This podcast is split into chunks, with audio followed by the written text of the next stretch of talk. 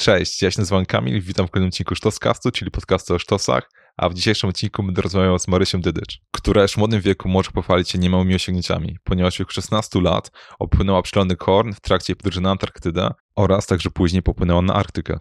Jednak można powiedzieć, że jej najbardziej wymagający rejs oraz też najdłuższy odbył się na pokładzie Daru Młodzieży, gdzie w trakcie rejsu niepodległości opłynęła cały świat w ciągu 10-miesięcznej podróży, od Gdyni po Panamę.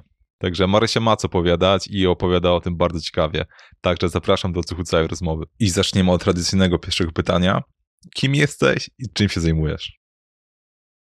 Cześć, nazywam się e, Marysia Dydycz, no i e, można powiedzieć, że jestem żeglarzem, aczkolwiek teraz jestem żeglarzem na lądzie ze względu na pandemię. E, jestem studentką, ale ogólnie to jestem podróżnikiem, fotografem i tak jak wcześniej wspomniałam, żeglarzem. Mhm. Dobrze, teraz podstawowe pytanie, które pewnie wiem, boli cię głowę, jak słyszysz to, to samo pytanie prawie w każdym wywiadzie czy rozmowie, ale no mówię, zacznijmy od tych początków, więc jak się zaczęła twoja przygoda z morzem i żeglarstwem?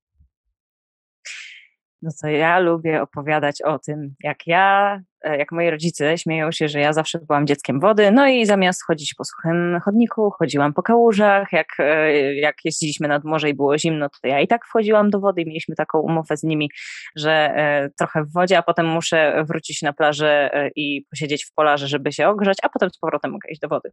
No wiecie, taki, mm. tak trochę morsowania było już wtedy. E, no, ale nie, ja tak szczerze mówiąc e, uwielbiałam każdy sport wodny i e, w ogóle śmieszne było to, że ja w momencie, kiedy zaczęłam jeździć na różne obozy sportowe, no to tam się przewijało żeglarstwo i tak coraz to z większym natężeniem było, prawda, z coraz większym, tu na Mazury, tutaj nad morze i tak dalej. No i w pewnym momencie ja się dowiedziałam o szkole pod żaglami kapitana Baranowskiego. No i się przygotowywałam do niej tak mniej więcej trzy lata. To było takie moje naprawdę bardzo duże marzenie. No tylko, że w momencie, kiedy ja jakby marzyłam o tym, żeby tam się dostać, no to ja wtedy jeszcze trenowałam pływanie i jeszcze chodziłam do szkoły muzycznej. Więc to jakby wyglądało tak, że ja rano jeździłam na trening pływania, potem miałam szkołę, potem miałam szkołę muzyczną. No i tak wyglądało kilka lat mojego życia. Po czym po czym w drugiej e, gimnazjum, kiedy były właśnie te e, eliminacje, no to po zgrupowaniu w Olsztynie e, pływackim zachorowałam, no i dwa miesiące przeleżałam w łóżku. I po tygodniu miały być eliminacje sportowe właśnie do szkoły pod żeglami, dlatego że przeszłam przez pierwszy etap, bo pierwszym etapem był wolontariat. Zaliczenie wolontariatu, a przez to, że ja no właśnie w szkole muzycznej jestem, no i uczyłam małe dzieci i śpiewać, mhm. różne takie rzeczy, no no Nieważne. Mhm. E, I no i właśnie wyszłam, e, jakby wstałam z łóżka po dwóch miesiącach. No i w tydzień nauczyłam się podciągać na drążku trzy razy. E, wróciłam do mojej życiówki pływackiej, mhm. ale zawaliłam na bieganiu. I w trakcie tych eliminacji e, okazało się, że no, angielski no to zdałam bez problemu. Jakby po pięciu minutach wyszłam z egzaminu i miałam całkowicie zdany, więc jakby no, ale to nawet nie o to chodzi. Y, jak przyszła lista, jak wywiesili listę z wynikami, prawda, kto się dostał, to zobaczyłam, że jestem drugą rezerwową. 1,72 sekundy się nie dostałam, a dziewczyna przede mną, która była na miejscu e, dziewiątym, e, to 0,9, więc mm. no. A to pamiętam do dzisiaj, akurat te, ten, ten moment pamiętam do dzisiaj bardzo, bardzo, bardzo dobrze, więc no więc tak się tak naprawdę u mnie zaczęło z tym żeglarstwem. Mhm. Rozumiem, ale w końcu wiesz, ale w końcu to było pierwsze podejście, rozumiem, ale za drugim w końcu się udało. No i tak w ogóle z ciekawości, w sensie jak tak, no jak zaczęłaś sypać tego baksyla, do, jakim momencie to bierze? W sensie um, to było tak, że wiedziałeś, że zwiąże się z tym na długi czas, czy to właśnie było tak, jedna z takich sportów, że ok, spróbuję, zobaczymy co będzie, czy wiedziałeś, że to będzie taką większą część twojego życia? Jeśli to ma sens. Zupełnie nie miałam pojęcia, że to będzie większą częścią mojego życia. A, okay. Ja po prostu. Mhm. to, to było jakby. Wszystko działo się szybko i zawsze, zawsze u mnie działo się szybko, dużo i z bardzo dużym natężeniem. Dlatego, mhm. że patrząc na to, patrząc na ilość y, zajęć dodatkowych, y, będąc w szkole podstawowej, no to jakby dość dużo tego wszystkiego było. I zresztą w gimnazjum też. No ale jak się zaczyna i jak, pojecha, no, jak pojechałam nawet na Mazury na ten rejs pocieszenia właśnie z tej szkoły pod no to ja nie miałam zielonego pojęcia, że w przyszłym roku będę, prawda, już przez Atlantyk przechodzić po raz pierwszy. Prawda, jakby to jest, to było surrealistyczne, jakby no w ogóle nie było tego w mojej głowie. I e, że to ciężko byłoby sobie wyobrazić w ogóle w, takim, w tym momencie. Jakby my teraz nie wiemy, co będzie za rok, prawda? No tak, tak. Ale, ale no i moi rodzice przez to, że widzieli jak no, że tak naprawdę no, to było moje marzenie i to było zaprzepaszczone marzenie z tamtego rejsu, no to po prostu zamiast pojechać na obóz narciarski, zapisali mnie na e, dziesięciodniowy rejs na Pogori i od tego się zaczęło tak naprawdę. Ja bym mogła powiedzieć, że to był taki punkt kulminacyjny, który zaważył na tym, czy ja będę pływać, czy ja nie będę pływać, dlatego że mhm poznałam niesamowitych ludzi tam. E, mieliśmy zresztą dwóch Włochów, z którymi byłam w wachcie i trzeba było jakby się e, dogadywać przez cały czas, kiedy, się, kiedy pracowaliśmy. No ale przede wszystkim zobaczyłam, jak działa duży statek, jak to jest na morzu. A to był w ogóle taki ogromny e, chrzest tak naprawdę, można by powiedzieć, dlatego że kiedy wypłynęliśmy z... To, to było we Włoszech, mhm. E, I kiedy wypłynęliśmy, to e, następnej nocy już mieliśmy sztorm. Znaczy, w sumie tej samej nocy mieliśmy -hmm. sztorm, e, dlatego że niż się odwrócił, ale to już nieważne. No i ja miałam wachtę, i jakby ja stałam na górze, nie wiedziałam zupełnie, co się dzieje. Zupełnie. Ja, ja patrzyłam na morze i widziałam tylko te fale ogromne, które mnie zalewają, i jest mi zimno, i aż chcę zejść pod pokład. -hmm. No i ja już po prostu nie chcę. I za sterem oczywiście też wtedy było, więc jakby no, ale na tym rejsie moim oficerem był, um, był um, facet, który był mężczyzna, który bardzo dużo mnie nauczył i potem utrzymaliśmy kontakt. Teraz jesteśmy ziomkami, nie? Okej, okay, no, no, no. no. No na tej zasadzie, nie? Znaczy my mm. wszyscy już jesteśmy tam ziomkami, no. Można by powiedzieć. Mm -hmm. Ale nie, ale Michał właśnie, on, e, on bardzo otworzył mi tak też trochę oczy na to żeglarstwo, dlatego że ja w ogóle teraz doceniam jedną rzecz, którą mi powiedział, um, zanim ja tak bardzo mocno zaczęłam intensywnie żeglować. I tak naprawdę dopiero po rejsie dookoła świata ją doceniłam, ale do tego wrócimy. Okej. Okay. Um, tak. No ale w każdym razie Michał, ja dzięki niemu e, z, w ogóle stwierdziłam, że chcę robić coś więcej i chcę zdawać certyfikaty żeglarskie i ja dzięki temu zostałam od razu operatorem e, radaru. Zostałam operatorem krótkołączności, potem zapisałam się na operatora dalekołączności, no i to się po prostu tak wszystko, prawda, e, zresztą na, na kurs meteorologii też poszłam do niego.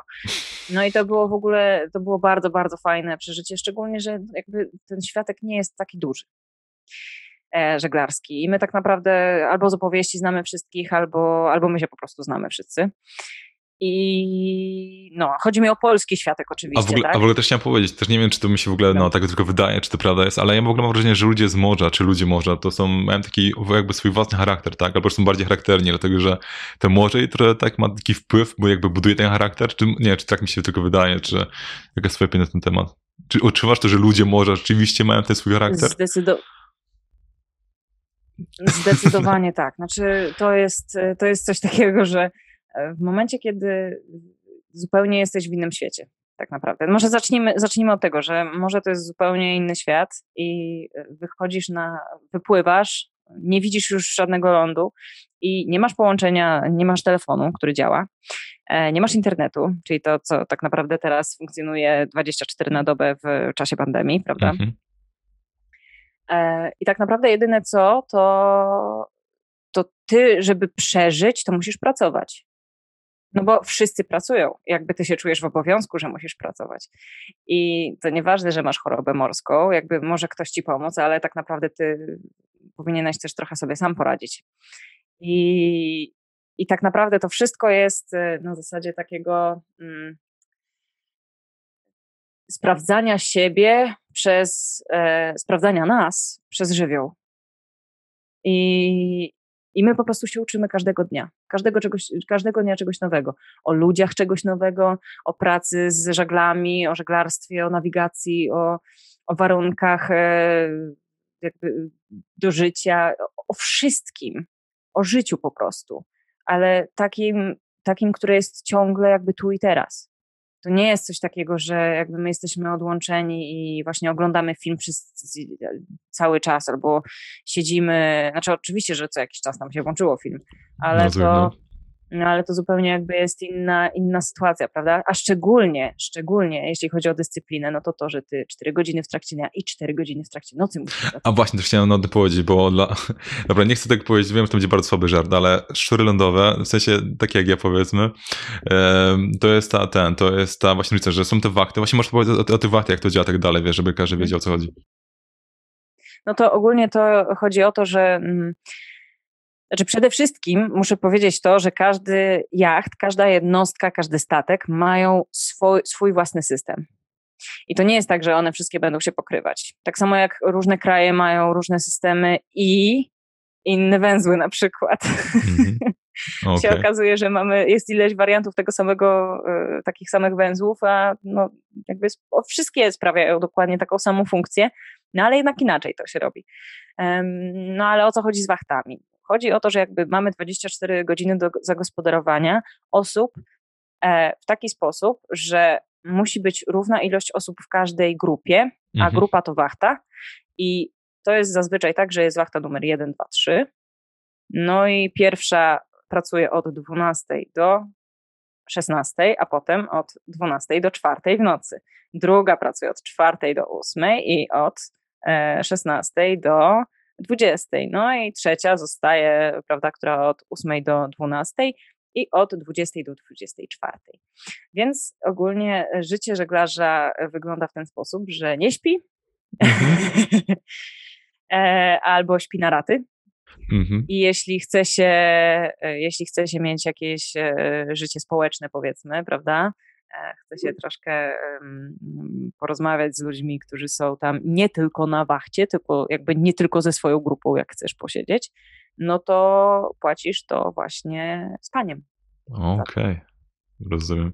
Nie, bo właśnie chciałem, no, tak powiedzieć o tym, właśnie o tym e, charakterze ludzi morza, bo właśnie jak to powiedziałeś, że na morze możesz, licz, możesz tylko na siebie liczyć, a masz tak właśnie czasami tak, że potem jakby już schodzisz no, e, na ląd i tak dalej i jakby żyjesz w normalnym społeczeństwie, jak to, jak to brzmi, to masz tak na przykład irytuje się na innych ludzi, że są tacy nieporadni w porównaniu do ludzi, którzy wiesz, no jakby widziałeś na morzu. Jeśli widzisz, nie. to nie, nie masz tak, jakby na ciebie nie ma wpływu zupełnie znaczy, ja, ja, mhm. widzę, ja widzę różnicę w ludziach, oczywiście, że tak, no tylko, że ja też to trochę jest taki przykład na zasadzie, ja też się wywodzę z różnych środowisk, dlatego że e, tutaj szkoła muzyczna, prawda, tutaj trenowanie tak, pływania, tak. tu żeglarstwo, tutaj e, studia inne, tutaj praca, tu coś, więc jakby ja jestem takim miksem wszystkiego. No, um, no ale, ale wiesz co, powiem ci, y, może podsumuję to tak, że to jest e, na morzu, to nie jest tak, że ty tylko i wyłącznie na siebie możesz liczyć. To jest tak, że jakby my, my jesteśmy jedną wielką rodziną, jednym organizmem, który musi ufać sobie nawzajem,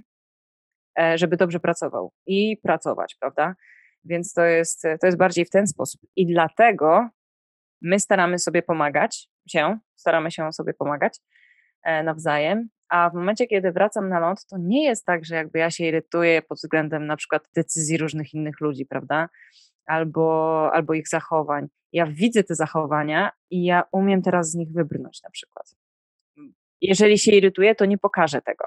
Jeżeli, e, nie wiem, jeżeli zauważam, że można coś szybciej zrobić, to po prostu zasugeruję to. To jest, to jest takie wychodzenie jakby po prostu bezpiecznie w takiej sytuacji, żeby nie było żadnego konfliktu, bo wiemy, że konflikt to jest po prostu strata czasu czasami. I tyle. A yy, no, więc jakby to, to, to jest moja taka, yy, taka Rada rzecz, to. którą wyniosłam też trochę z tego, tak, no, którą hmm. wyniosłam i która, którą jakby polecam też w sumie wszystkim, dlatego że yy, oczywiście kłótnie są też ważne, w całym życiu. Ja tego mm -hmm. nie podważam, oczywiście. Okay. ale, ale to jest no ale fajnie jest jakby znaleźć ten wspólny język i, i posłuchać drugiej osoby, co ona ma do powiedzenia, bo może jej argumentacja jest akurat trafna, prawda? Um, no, ale taką najważniejszą rzeczą, którą ja po zejściu na ląd y, zauważyłam, to było docenienie wszystkiego, co ja mam na lądzie. I bardziej na tym się człowiek skupia, a nie na ocenianiu innych. Mhm, okej, okay, rozumiem. Dlatego, że po powrocie na przykład z Antarktydy ja nie musiałam pompować sobie wody nogą, moje ręce nie zamarzały, nie były sine, kiedy myłam naczynia. Mhm. E, zęby mnie nie bolały, kiedy myłam zęby. Rano nie musiałam sprawdzać chuchnięciem, ile, czy jest zimniej, czy jest cieplej. Mhm. Bo nie, no jakby to od razu Państwu powiem, że nie było pod e, pokładem, e, że tak powiem, grzania, więc tak samo jak było na zewnątrz, tak było pod pokładem. Więc ja miałam, ja mam zresztą ten śpiwór dalej do minus 35 stopni Celsjusza. I po prostu robiło się tak, że się zamykało w śpiworze, spało się z różnymi skarpetkami i tak dalej, żeby je nagrzać po prostu. E, I rano, kiedy się wstawało, to miało się tylko taką małą szparę na twarzy, żeby zobaczyć i żeby chuchnąć. I jak była większa para, to oho, dobra, to jeszcze jedna warstwa dzisiaj idzie. O Jezu. O Boże, musiał być no, masakra. No, więc tak, więc takie rzeczy się, takie rzeczy się docenia. Docenia się to, że można wziąć pry, prysznic albo kąpiel mhm. w ciepłej wodzie w ogóle.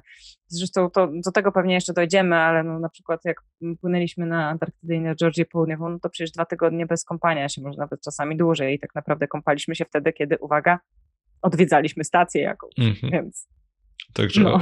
okej, okay, do tego zapachu wrócimy jeszcze później w trakcie tego, ale też, ale też chciałem, ale też w ogóle chciałem spytać, wiesz, jak się, mm, właśnie, no jak szykowałeś się na, na, jak się szykowałeś na tą Antarktydę, wiedziałeś, że mhm. ciebie nie będzie przez no, długi czas na lądzie, to jakie tak. rzeczy brałeś są takie najpotrzebniejsze, a okej, okay, to w sumie, nie, inaczej zadam pytanie. Jakie rzeczy wziąłeś ze sobą, które potem okazały się absolutnie zbędne? O tak powiem. Czy nie brałeś... było ani jednej takiej rzeczy. Okej, okay, czyli wiedziałeś, no, czyli wiedziałeś dokładnie, co wziąć ze sobą, tak? Czyli byłaś dobrze przygotowana. Okej, okay, dobra. Nie brałam po prostu żadnych zbędnych rzeczy. Mhm. Jeżeli mm. czegoś nie miałam, to dokupowałam. Dokupiłam tak naprawdę, szczerze mówiąc, przyznam się, że mm -hmm. dokupiłam, uwaga, zeszyt i długopisy. Okej. Okay. E, dlatego, że po prostu chciałam spisywać tak dziennika, nie na telefonie i tyle, nic więcej. Ale y, to może też wynikało z tego, że jakby Antarktyda przyszła po iluś już rejsach, ja miałam, jakby ja wiedziałam, co powinnam zabrać. Mhm. E, no i tak naprawdę to wszystko się przydało. Każda jedna rzecz została wykorzystana na rejsie na Antarktydę, na wyprawie tamtej. No ale to były trzy miesiące płynięcia na Georgię Południową, potem Wyspę Słoniową, no nieważne. Chodzi o y, jakby szlakiem Sernysta Shackletona. I, i myślę, że po prostu przez to, że wcześniej już byłam i na przylądku Horn, wcześniej, e, w przeddzień moich urodzin płynęliśmy. Przylądek Horn po raz pierwszy. Jak tam byłam? Miałam 16 lat. Uhu. Jeszcze 16 lat? No. Tak, miałam 16 lat, 18 kwietnia upłynęliśmy, a ja 19 kwietnia miałam urodziny i myśmy już byli po mhm. opłynięciu, więc i wtedy miałam 17 urodziny, no. Więc jakby było fajnie ale no właśnie jakby to, że wcześniej już byłam w różnych miejscach, adaptowałam się tak naprawdę trochę do różnych sytuacji, wiedziałam jak one wyglądają, wiedziałam co jest potrzebne. Zresztą powiedzmy sobie szczerze, ja teraz mogę wymienić. W momencie, kiedy nie dostałam się na e, szkołę pod żaglami kapitana Baranowskiego, popłynęłam na Pogorię, Potem byłam na dwóch rejsach z Zawiszy Czarnego pod rząd, więc nie schodziłam ze statku, tylko byłam tam. Mhm. E, czyli to już są trzy. Potem popłynęłam na niebieską szkołę z Malagi na Karaiby i właśnie to było um, to było w następnym roku, znaczy w sumie to, te wszystkie rejsy były w tym samym roku. No, Jak to był rok? Tak czy, właśnie, czy który to był rok, żeby ten... 2015. 2015, okej. Okay. Tak. E, I to to. I e, my wróciliśmy na koniec stycznia chyba, ja już nie pamiętam, kiedy myśmy wrócili z tych Karaibów, ale to była zima w każdym razie. I ja e, wróciłam, to było oczywiście już w pierwszej liceum. Mhm. Mm, ja wróciłam, byłam oczywiście tak zwanym murzynem wśród e, białasów, powiedzmy. Mhm. Dosłownie tak, żeby taki slang był u nas w szkole, jakby to nie obrażając nikogo oczywiście, no, oczywiście no, no. najmocniej, mhm. ale tak, ale no, ale to tak funkcjonowało. No i jakby ja po prostu po tych wszystkich rejsach wiedziałam, co zrobić. I po tym rejsie ja w kwietniu popłynęłam na przylądek Horn. Ja w ogóle nie wiedziałam, że to w ogóle coś takiego można, jakby, że to jest w zasięgu ręki. Mhm. No a potem, w momencie, kiedy y, jakby to już było, potem była Norwegia ileś razy, zresztą wcześniej już też była Norwegia, bo na Zawisie Czarnym była, były mniejsze jednostki z Polski właśnie do Norwegii, na Islandię, do Wielkiej Brytanii z powrotem i tak dalej, i tak dalej. Mhm. To, a potem jeszcze bycie oficerem, to popłynięcie na Antarktydę nie wydawało się aż takim wielkim... jakby wyglądało. Okej, okay. nie, nie, chciałem powiedzieć, że wiesz, wiesz, po tych wszystkich jakby mm, mhm. wyprawach to nie wydawało się aż takie nie wiem, szokujące, gdyby powiedzmy, nie wiem, osoba, która pierwszy raz, wiesz, no, wsiada na łódkę i miałaby tam popłynąć, wiadomo, rozumiem, czyli po prostu już miałeś te doświadczenie i tak dalej. Znaczy, mhm. znaczy szczerze mówiąc, to jakby, hmm, jakby to podsumować, bardziej ja bym powiedziała, że to e, dalej było dla mnie surrealistyczne, że płynę na Antarktydę, że jadę na jakąś wyprawę tam, mhm. aczkolwiek było mniej surrealistyczne niż zanim popłynęłam na przylądek Horn po raz pierwszy. Okay. Dlatego, że w momencie, kiedy leciałam e, do Patagonii po raz pierwszy, ja byłam sama i e, jakby przesiadki kilka razy jeśli chodzi o zmiany samolotów, prawda, przesiadanie się z jednego do drugiego, czyli ja w ogóle leciałam z Warszawy do Frankfurtu, z Frankfurtu do São Paulo, z São Paulo do Buenos Aires, Buenos Aires do Ushuaia. I to w wieku 16 były moje pierwsze tak? loty do Argentyny. Jezu, no okej. Okay, tak, no, no. wiek 16 lat. Mhm. Łącznie z tym, że prawie zawału serca dostała moja mama, bo zadzwoniłam do niej z jednego lotniska, ale to, no. to była bardzo śmieszna sytuacja. Znaczy teraz z perspektywy czasu oczywiście, bo mhm. wtedy na miejscu to wcale nie była śmieszna. No, no, no. Ogólnie pan w Warszawie powiedział mi, że powinnam była odebrać bagaż w, e, w São Paulo, a ja nie miałam odbierać w ogóle bagażu w São Paulo. Okej. Okay. E, ja czekałam na bagaż, a miałam bardzo mało czasu na przejście, jakby na, jak przebiegnięcie z jednego terminala mhm. na drugi, dostanie się do mojego gate'a. W momencie, kiedy ja się dowiaduję, że jakby nie ma tego, no, tak, no. Nie, przepraszam, to nie było w São Paulo, tylko w Buenos Aires, przepraszam, w Buenos Aires. A, no tak. I tak, tak, tak, w Buenos Aires, sorry. No, no. bo to był ostatni etap, jakby ten ostatni lot mnie czekał. No i ja biegnę, jak się dowiedziałam, że ja nie muszę odbierać tego bagażu, że on już jest na pokładzie statku, a tam tylko na tym lotnisku dwie osoby mówiły po angielsku. Tylko dwie. O Boże, no, no. Więc ja po prostu biegnę z moim e, workiem żeglarskim na plecach, po prostu załadowana po szyję. Mhm. I celnicy mnie zatrzymują i mówią, no, no, no, no, no, A ja mam 15 minut do boardingu, znaczy koń, do końca boardingu, nie? No, no. E, więc super. I ja czekam, czekam, czekam, no i się denerwuję i to widać, no więc oni jeszcze bardziej mnie zatrzymują, znaczy ogólnie wszystkich zatrzymali, bo powiedzieli, no zepsuła się maszyna do skanowania, e, prawda, tych e, plecaków podręcznych. No super, świetnie. No i podchodzi pani, która wcześniej mi powiedziała właśnie, że jakby niech pani podejdzie do tej informacji, bo tam pani powiedzą, co się z bagażem stało. Mhm. Ona podchodzi i ona mówi mi, mhm. co oni mówią. I ja mówię, ale ja lecę tam i tam, ja mam za 5 minut koniec boardingu, muszę się tam dostać i ja w ogóle, ja dlatego jestem tak zdenerwowana. Mhm. I ona im to powiedziała, zaczęła na nich krzyczeć i w ogóle i, i wzięli, popatrzyli tak na mnie, włączyli maszynę, maszyna zaczęła działać. I pobiegłam, z, prawda, podziękowałam jej, pobiegłam mhm. dalej, po czym patrzę, nie mam telefonu. Stawiłaś? I po prostu załamanie co się stało. No ale dobra, no biegnę jakby. Aha. Widzi ta dziewczyna, że coś, coś jest nie tak. E, no, no to powiedziała, no może w tamtej informacji jeszcze pod pani, pod pani gate'em będzie. No dosłownie pod, jakby schody mhm. były tylko powyżej tej informacji, tam był mój gate, dosłownie. E, był ten telefon, ktoś go znalazł, po prostu mi wypadł z kieszeni. Zanieśli go do informacji, nie ukradli, więc bardzo dziękuję tym osobom. Mhm. Wiem, że nie rozumieją tego, co teraz mówię, ale. No ale no, no. to wiadomo co. Intencja się liczy, tak. No. tak, tak. I słuchaj, um, przedłużyli boarding o 10 minut i okazało się, że nie byłam jedyną osobą, która była spóźniona, dlatego że mnóstwo ludzi jeszcze za mną biegło, więc jakby tylko okay. dzięki temu zdążyłam na ostatni samolot. Mhm. Ale wyobraźmy sobie sytuację, kiedy 16-letnia dziewczyna dzwoni teraz do swojej mamy, znaczy, która wcześniej już latała wszędzie mhm. sama i tak dalej, ale styl jest w Argentynie, mhm. jakby trochę daleko. No, ciut. I dzwoni do swojej mamy z samolotu. Mamo, słuchaj, no bo ja zgubiłam bagaż, ale się znalazł i w sumie to zgubiłam telefon, ale też się znalazł, lecę teraz, później zadzwonię, pa. Boże, mam takie dziecko. No. tak, i dopiero później, kiedy zadzwoniłam już, jak doleciałam, no to yy, porozmawiałam z nią spokojnie, powiedziała, Jezus Maria, dobrze, mhm. wreszcie zrozumiałam, o co ci chodzi. O Boże. No, więc e, mhm. tak, przygody. I to jakie? No, ale już pierwsze koty za płoty były mhm. i dzięki temu później jakby było jeszcze łatwiej, bo wiedziałam, znałam lotniska, wiedziałam, gdzie się jedzie, gdzie. Mhm. Jakby na, luz, na luzaku już teraz. Tak, teraz już pikuś.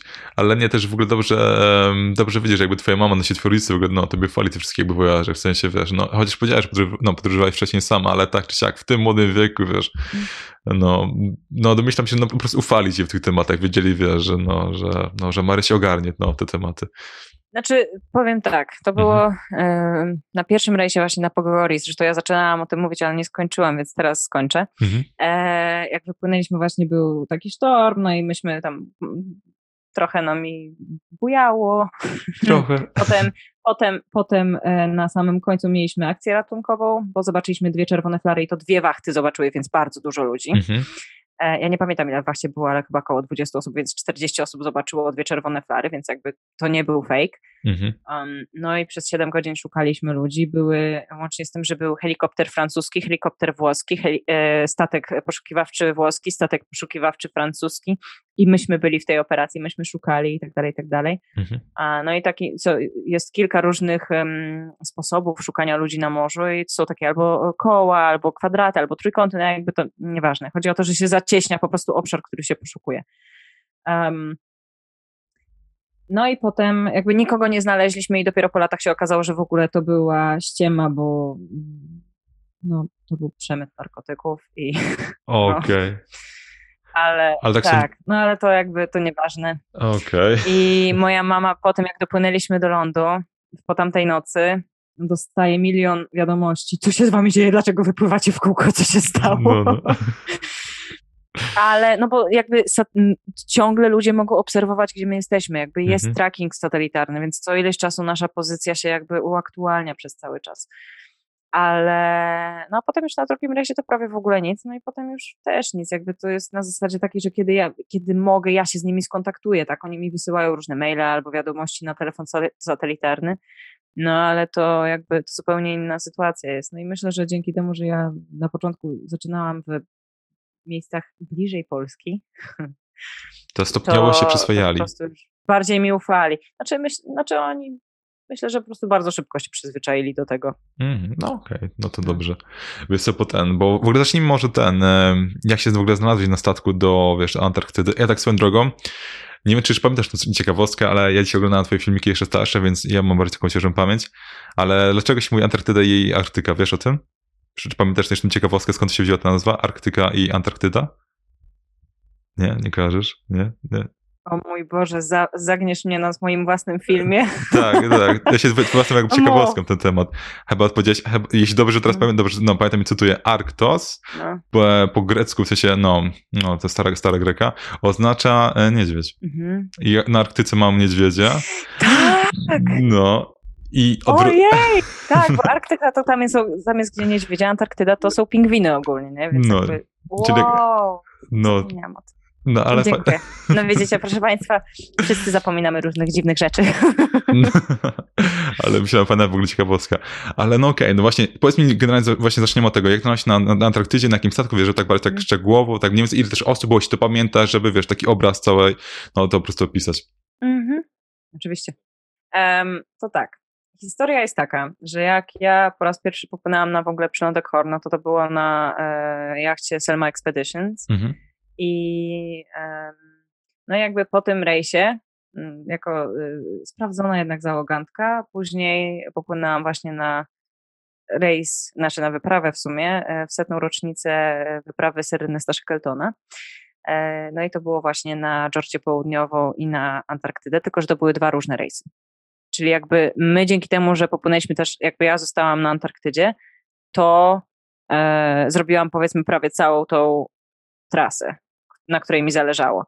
Czyli z Georgii Południowej na e, Orkady, na e, tak, na Orkady Południowe, na, na Wyspę Słoniową, potem do Ushuaia z powrotem, tam spędziliśmy e, święta, znaczy pierwszy dzień świąt, mhm. może też drugi, już nie pamiętam. No i popłynęliśmy na Antarktydę i z powrotem. Tylko, że wyglądało to tak, że tylko dwie osoby zostały. Ja i mój kolega zostaliśmy na dwa rejsy, reszta się wszyscy zmieniali. Na pierwszym etapie było 12 osób, na drugim etapie było 10 osób. Łącznie mhm. z kapitanem się zmieniali, ale ja już z obydwoma pływałam, więc jakby znaliśmy okay. się. No. no. no tak pokrótce. No, więc to chodziło o to właśnie, żeby, żeby zrobić tą trasę w setną rocznicę wyprawy Sernesta Shackletona. Nie wiem, czy Państwo wiedzą, ale jest to historia, którą ja mm, bardzo polecam do przeczytania, nawet jeżeli ktoś nie jest zainteresowany żeglarstwem ani niczym takim, ale ogólnie pod względem życiowym. Spełniania marzeń, dążenia do tego, ale też podejmowania mądrych decyzji i, i wyczucia, kiedy powinniśmy się wycofać albo zrezygnować dla większego dobra. Dlatego, że tak e, w dużym skrócie Sir Ernest Shackleton mógł być pierwszym człowiekiem, który dotrze na biegun południowy przed Amundsenem, ale e, no, nie został. Mhm.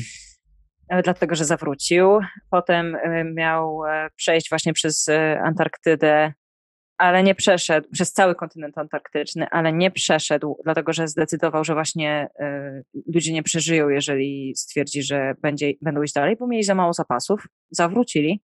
No a potem stała się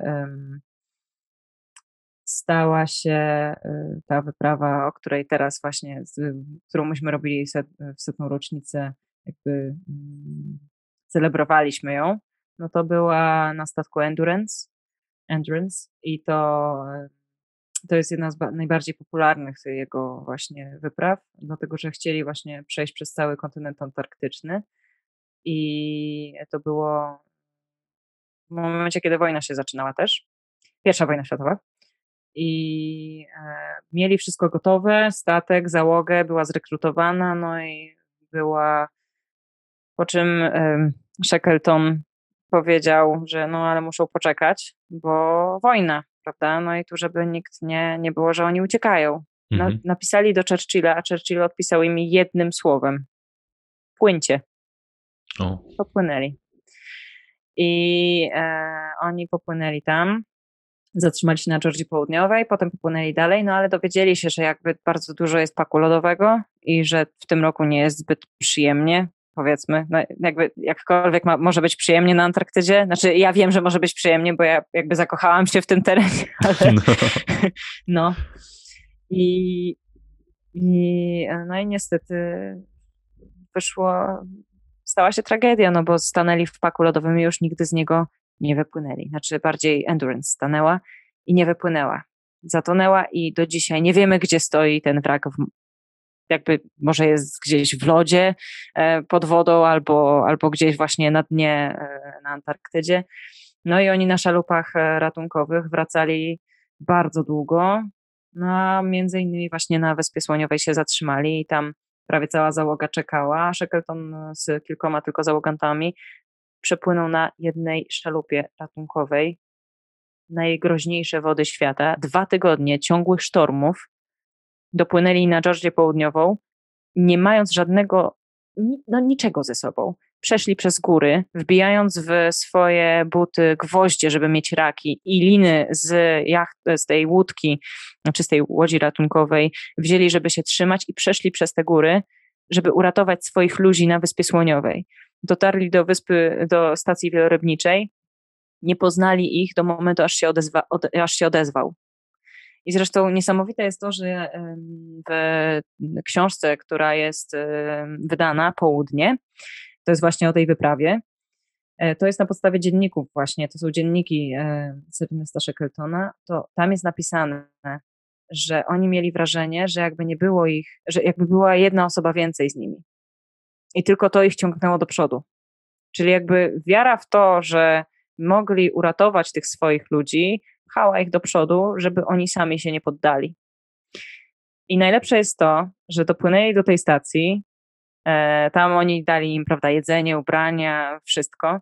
Popłynęli, próbowali uratować tych na Wyspie Słoniowej i nie udało się trzy razy. Dopiero za trzecim razem e, lud cofnął się na tyle, że mogli dopłynąć. Uwaga, uratowali wszystkich. Wszyscy załoganci przeżyli, a najsmutniejszą częścią historii tej jest to, że wrócili do Wielkiej Brytanii, e, druga wojna światowa i prawie cała załoga zginęła w II wojnie światowej. No rozumiem, no nie każdy historia musi mieć właśnie happy end. No, dlatego, że ludzie, dlatego, że tak, Dlatego, że ludzie y, po prostu stwierdzili, że jednak, y, znaczy niektórzy, prawda, bo to wiadomo, że opinie są różne, że oni stchórzyli, dlatego pojechali i tak dalej. A to właśnie nie o to zupełnie chodziło, prawda? Jakby cudem było to, że oni przeżyli. E, no, ale właśnie po, po, na tą wojnę poszli. Ale to była, jakby, ja myślę, że żaden z nas, nikt na świecie teraz nie jest sobie w stanie wyobrazić nawet, w jakich oni warunkach płynęli i co oni przeżyli w, w czasie, o którym nie wspomnieli ani razu w dziennikach. Hmm. To, to Myślę, że możemy się tylko domyślić. No tak, to po prostu musi być bardzo niewdzięczne. Ale no tak, ale też chciałam no znowu jakby nawiązać do twojej właśnie wyprawy na Antarktydę. Tak, tak, tak, tak. E, nie, nie, nie, spokojnie, nie, to, naprawdę bardzo ciekawy i dość no, głęboki temat, o którym jednak warto mówić, ale chciałam też tylko, wiesz, chciałam, bo um, chciałam też tylko też dopytać, um, kiedy wypłynęliście z Polski no, na tę ekspedycję do na Antarktydę? Wiesz, który pójdzie? Czy tak średnio? Znaczy, nie znaczy, to było hmm. tak, że ja ja wyleciałam z Polski do Argentyny i my z Argentyny, bo tam jakby sama dobra, stacjonuje. Nie, przepraszam, myślałem, to, no, no, no. Mhm. Spokojnie, spokojnie. Ogólnie wyglądało to tak, że ja, to była druga liceum, proszę Państwa. E, to może takie szybki, e, szybka retrospekcja. We wrześniu byłam jeszcze w Grecji. W momencie, kiedy z Grecji wróciłam, e, to. A nie, przepraszam, pomyliłam lata. Przepraszam, przepraszam, to nie była Grecja. E, przepraszam, tak, e, przyznaję się. W mhm. każdym razie wróciłam z rejsu. E, wróciłam z rejsu w, na koniec września albo w połowie października. Mhm. Na koniec września. Na koniec września. E, I w szkole, w drugiej liceum, w pierwszym semestrze byłam, uwaga, półtora miesiąca.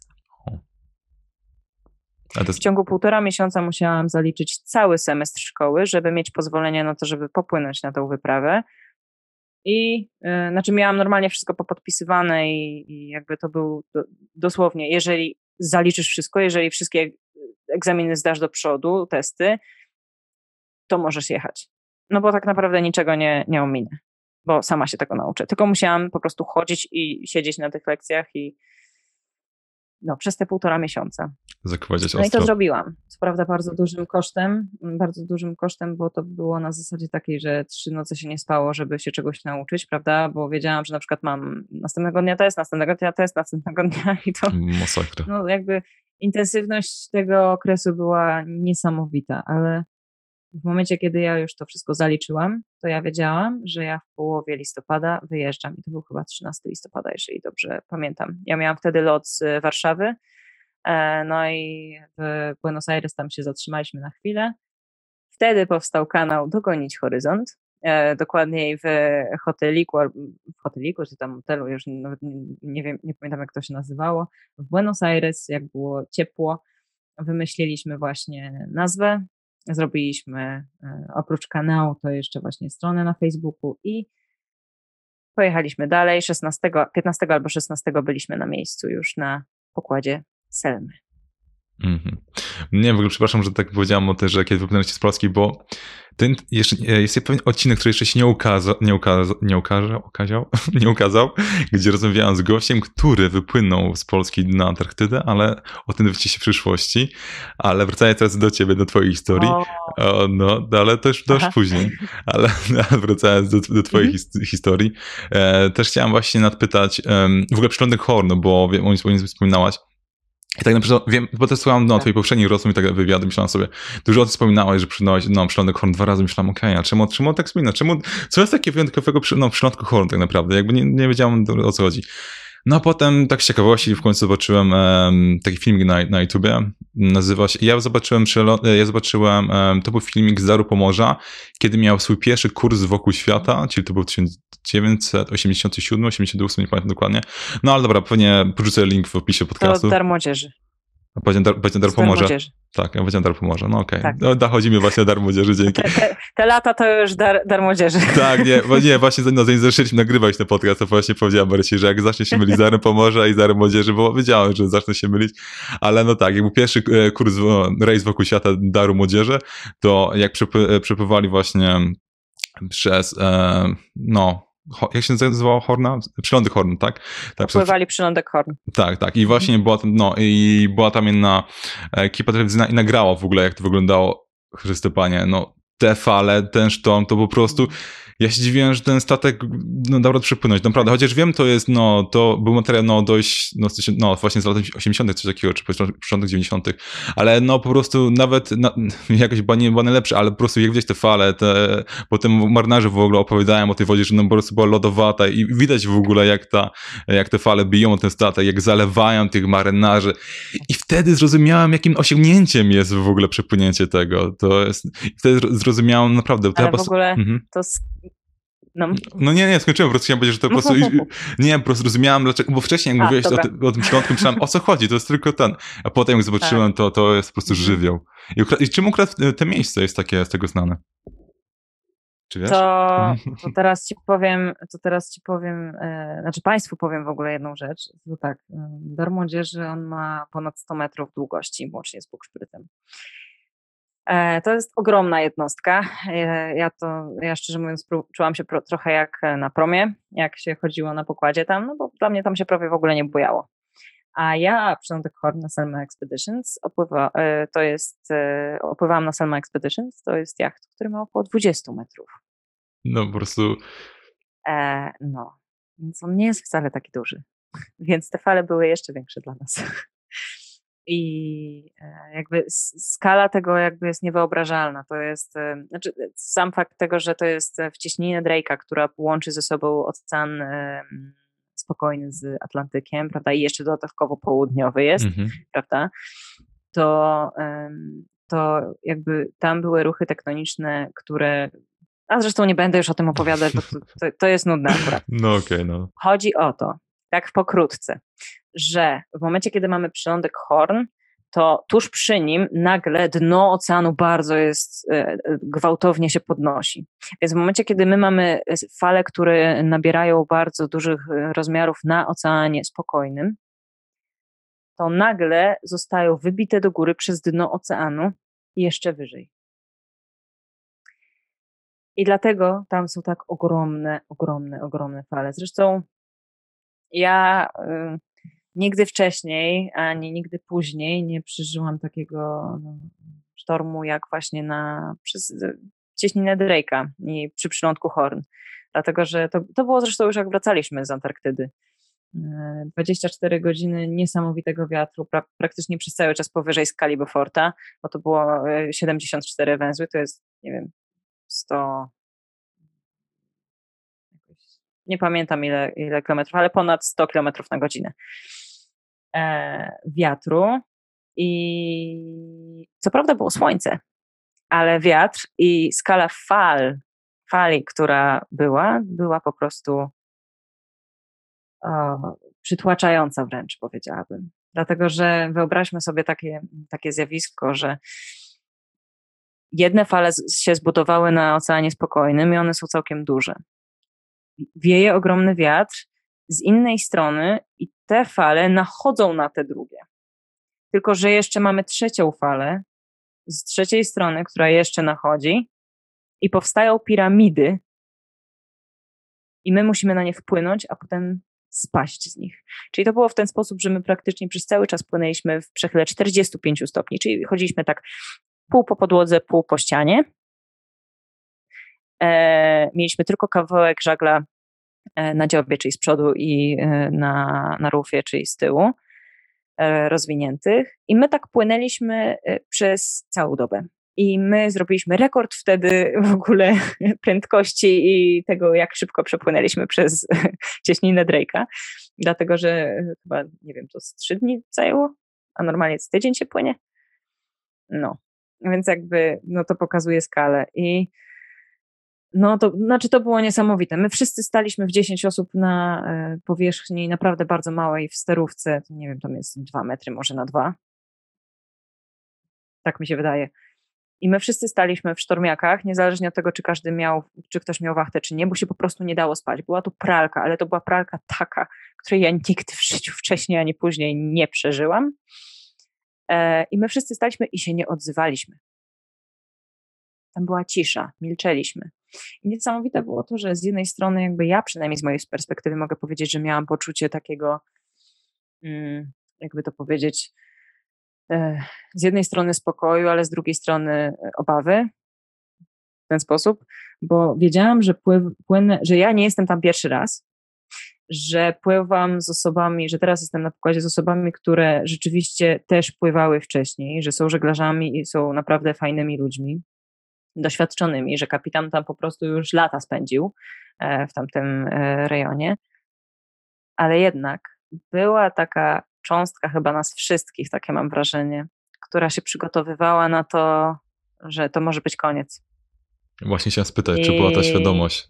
Tak, zdecydowanie była, bo ja miałam, e, ja z mojej perspektywy mogę powiedzieć, że to było. Hmm, wyglądało to tak, że ja stoję i myślę o tym, co zrobiłam, co mogłabym zrobić i kogo zostawiłabym i kto na mnie czeka na tej zasadzie. Ja po prostu mogłam sobie przemyśleć jeszcze całe życie, że to chcę zrobić, to, to, to, to, to, to, to, to, to. I w ogóle i jeszcze to, i jeszcze to, i w ogóle nieważne, nieważne z tym, w ogóle po prostu całe plany. Ale to wszystko tak szybko, jakby te kadry powiedzmy nawet przechodziły, przelatywały przez y, głowę, że to, to, to było niesamowite, ale mimo wszystko mimo takiej presji, powiedzmy, nałożonej przez tą sytuację, my wszyscy zostaliśmy spokojni i jakby nic się nie stało. Jedyne, co się stało, to nam y, jedna, jeden fragment bomu y, urwało i musieliśmy go spiłować, a potem zespawać nowy i tyle.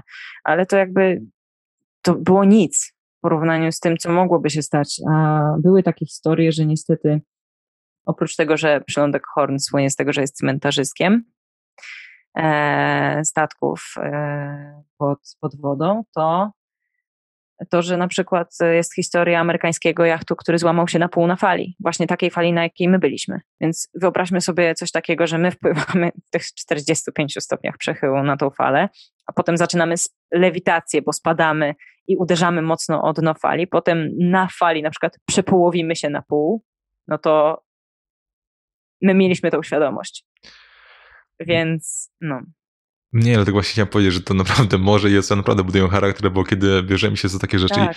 i, i, cały czas mam świadomość tego, że to się może wydarzyć, bo chyba najważniejsze, tak co mi się przynajmniej wydaje, jak robię research do tego całego odcinka, jedno chyba coś powtarzało, jeśli jak marynarze opisywali swoją pracę lub to, co robią, oni po prostu mówili wprost, że muszą by, po prostu być no, gotowi na wszystko. Po prostu muszą brać tak. wszystko pod uwagę, bo tak, no, dokładnie. To, to Musimy jest... mieć plan A, B, C, D, E, F i tak dalej z alfabetem całym w sumie. A nawet jak nie mamy, to musimy wymyśleć sposób, żeby wyjść z tej sytuacji. I nie panikować. To jest bardzo ważna rzecz. Nie panikować. Bo ja teraz opowiedziałam o, o sztormie. Zresztą, aha, nie powiedziałam tylko jednej rzeczy, że te fale mniej więcej wyglądały, jakby miały 8 metrów wysokości, ale my nie jesteśmy pewni, bo nie, jakby nie byliśmy w stanie tego zmierzyć. No. Więc jakby wyglądało to tak, że jak byliśmy w dole fali, to mieliśmy dwa słupy wody nad sobą i w ogóle nic nie widzieliśmy dookoła. No. Ale, e, ale patrząc na to, jakby o czym teraz rozmawiamy, że musimy być przygotowani na wszystko i że to tak naprawdę, no bo to jest nasze życie, tak? Od tego zależy. No i to jakby nie ma innej opcji w ogóle. Ale jak ja byłam na tym rejsie dookoła świata na Darze Młodzieży, to między Tajwanem a Chinami e, mieliśmy tajfun, e, w który wpłynęliśmy i tam wtedy miało, wiało mniej niż tam, jak ja byłam na przylądku Horn, a mimo wszystko jakby człowiek czuł się rzeczywiście taki dość przytłoczony całą tą sytuacją, ale nie w momencie, kiedy byłam normalnie na pokładzie. Zaczęłam się bać, w momencie, kiedy byłam na wysokości 50 metrów na samej górze, żeby ubezpieczać żagle. Mhm. I latałam dwa metry w jedną stronę, dwa metry w drugą ze względu na falę, prawda? I ten wiatr, który po prostu miażdży mi twarz. No. To były dwa jedyne momenty, w których ja naprawdę szczerze bałam się na morzu. To było właśnie ten sztorm, o którym wcześniej powiedziałam i teraz ten tajfun. Ale tylko moment, w którym właśnie byłam na tym, na maszcie. A jak mhm. zeszłam? Luzik.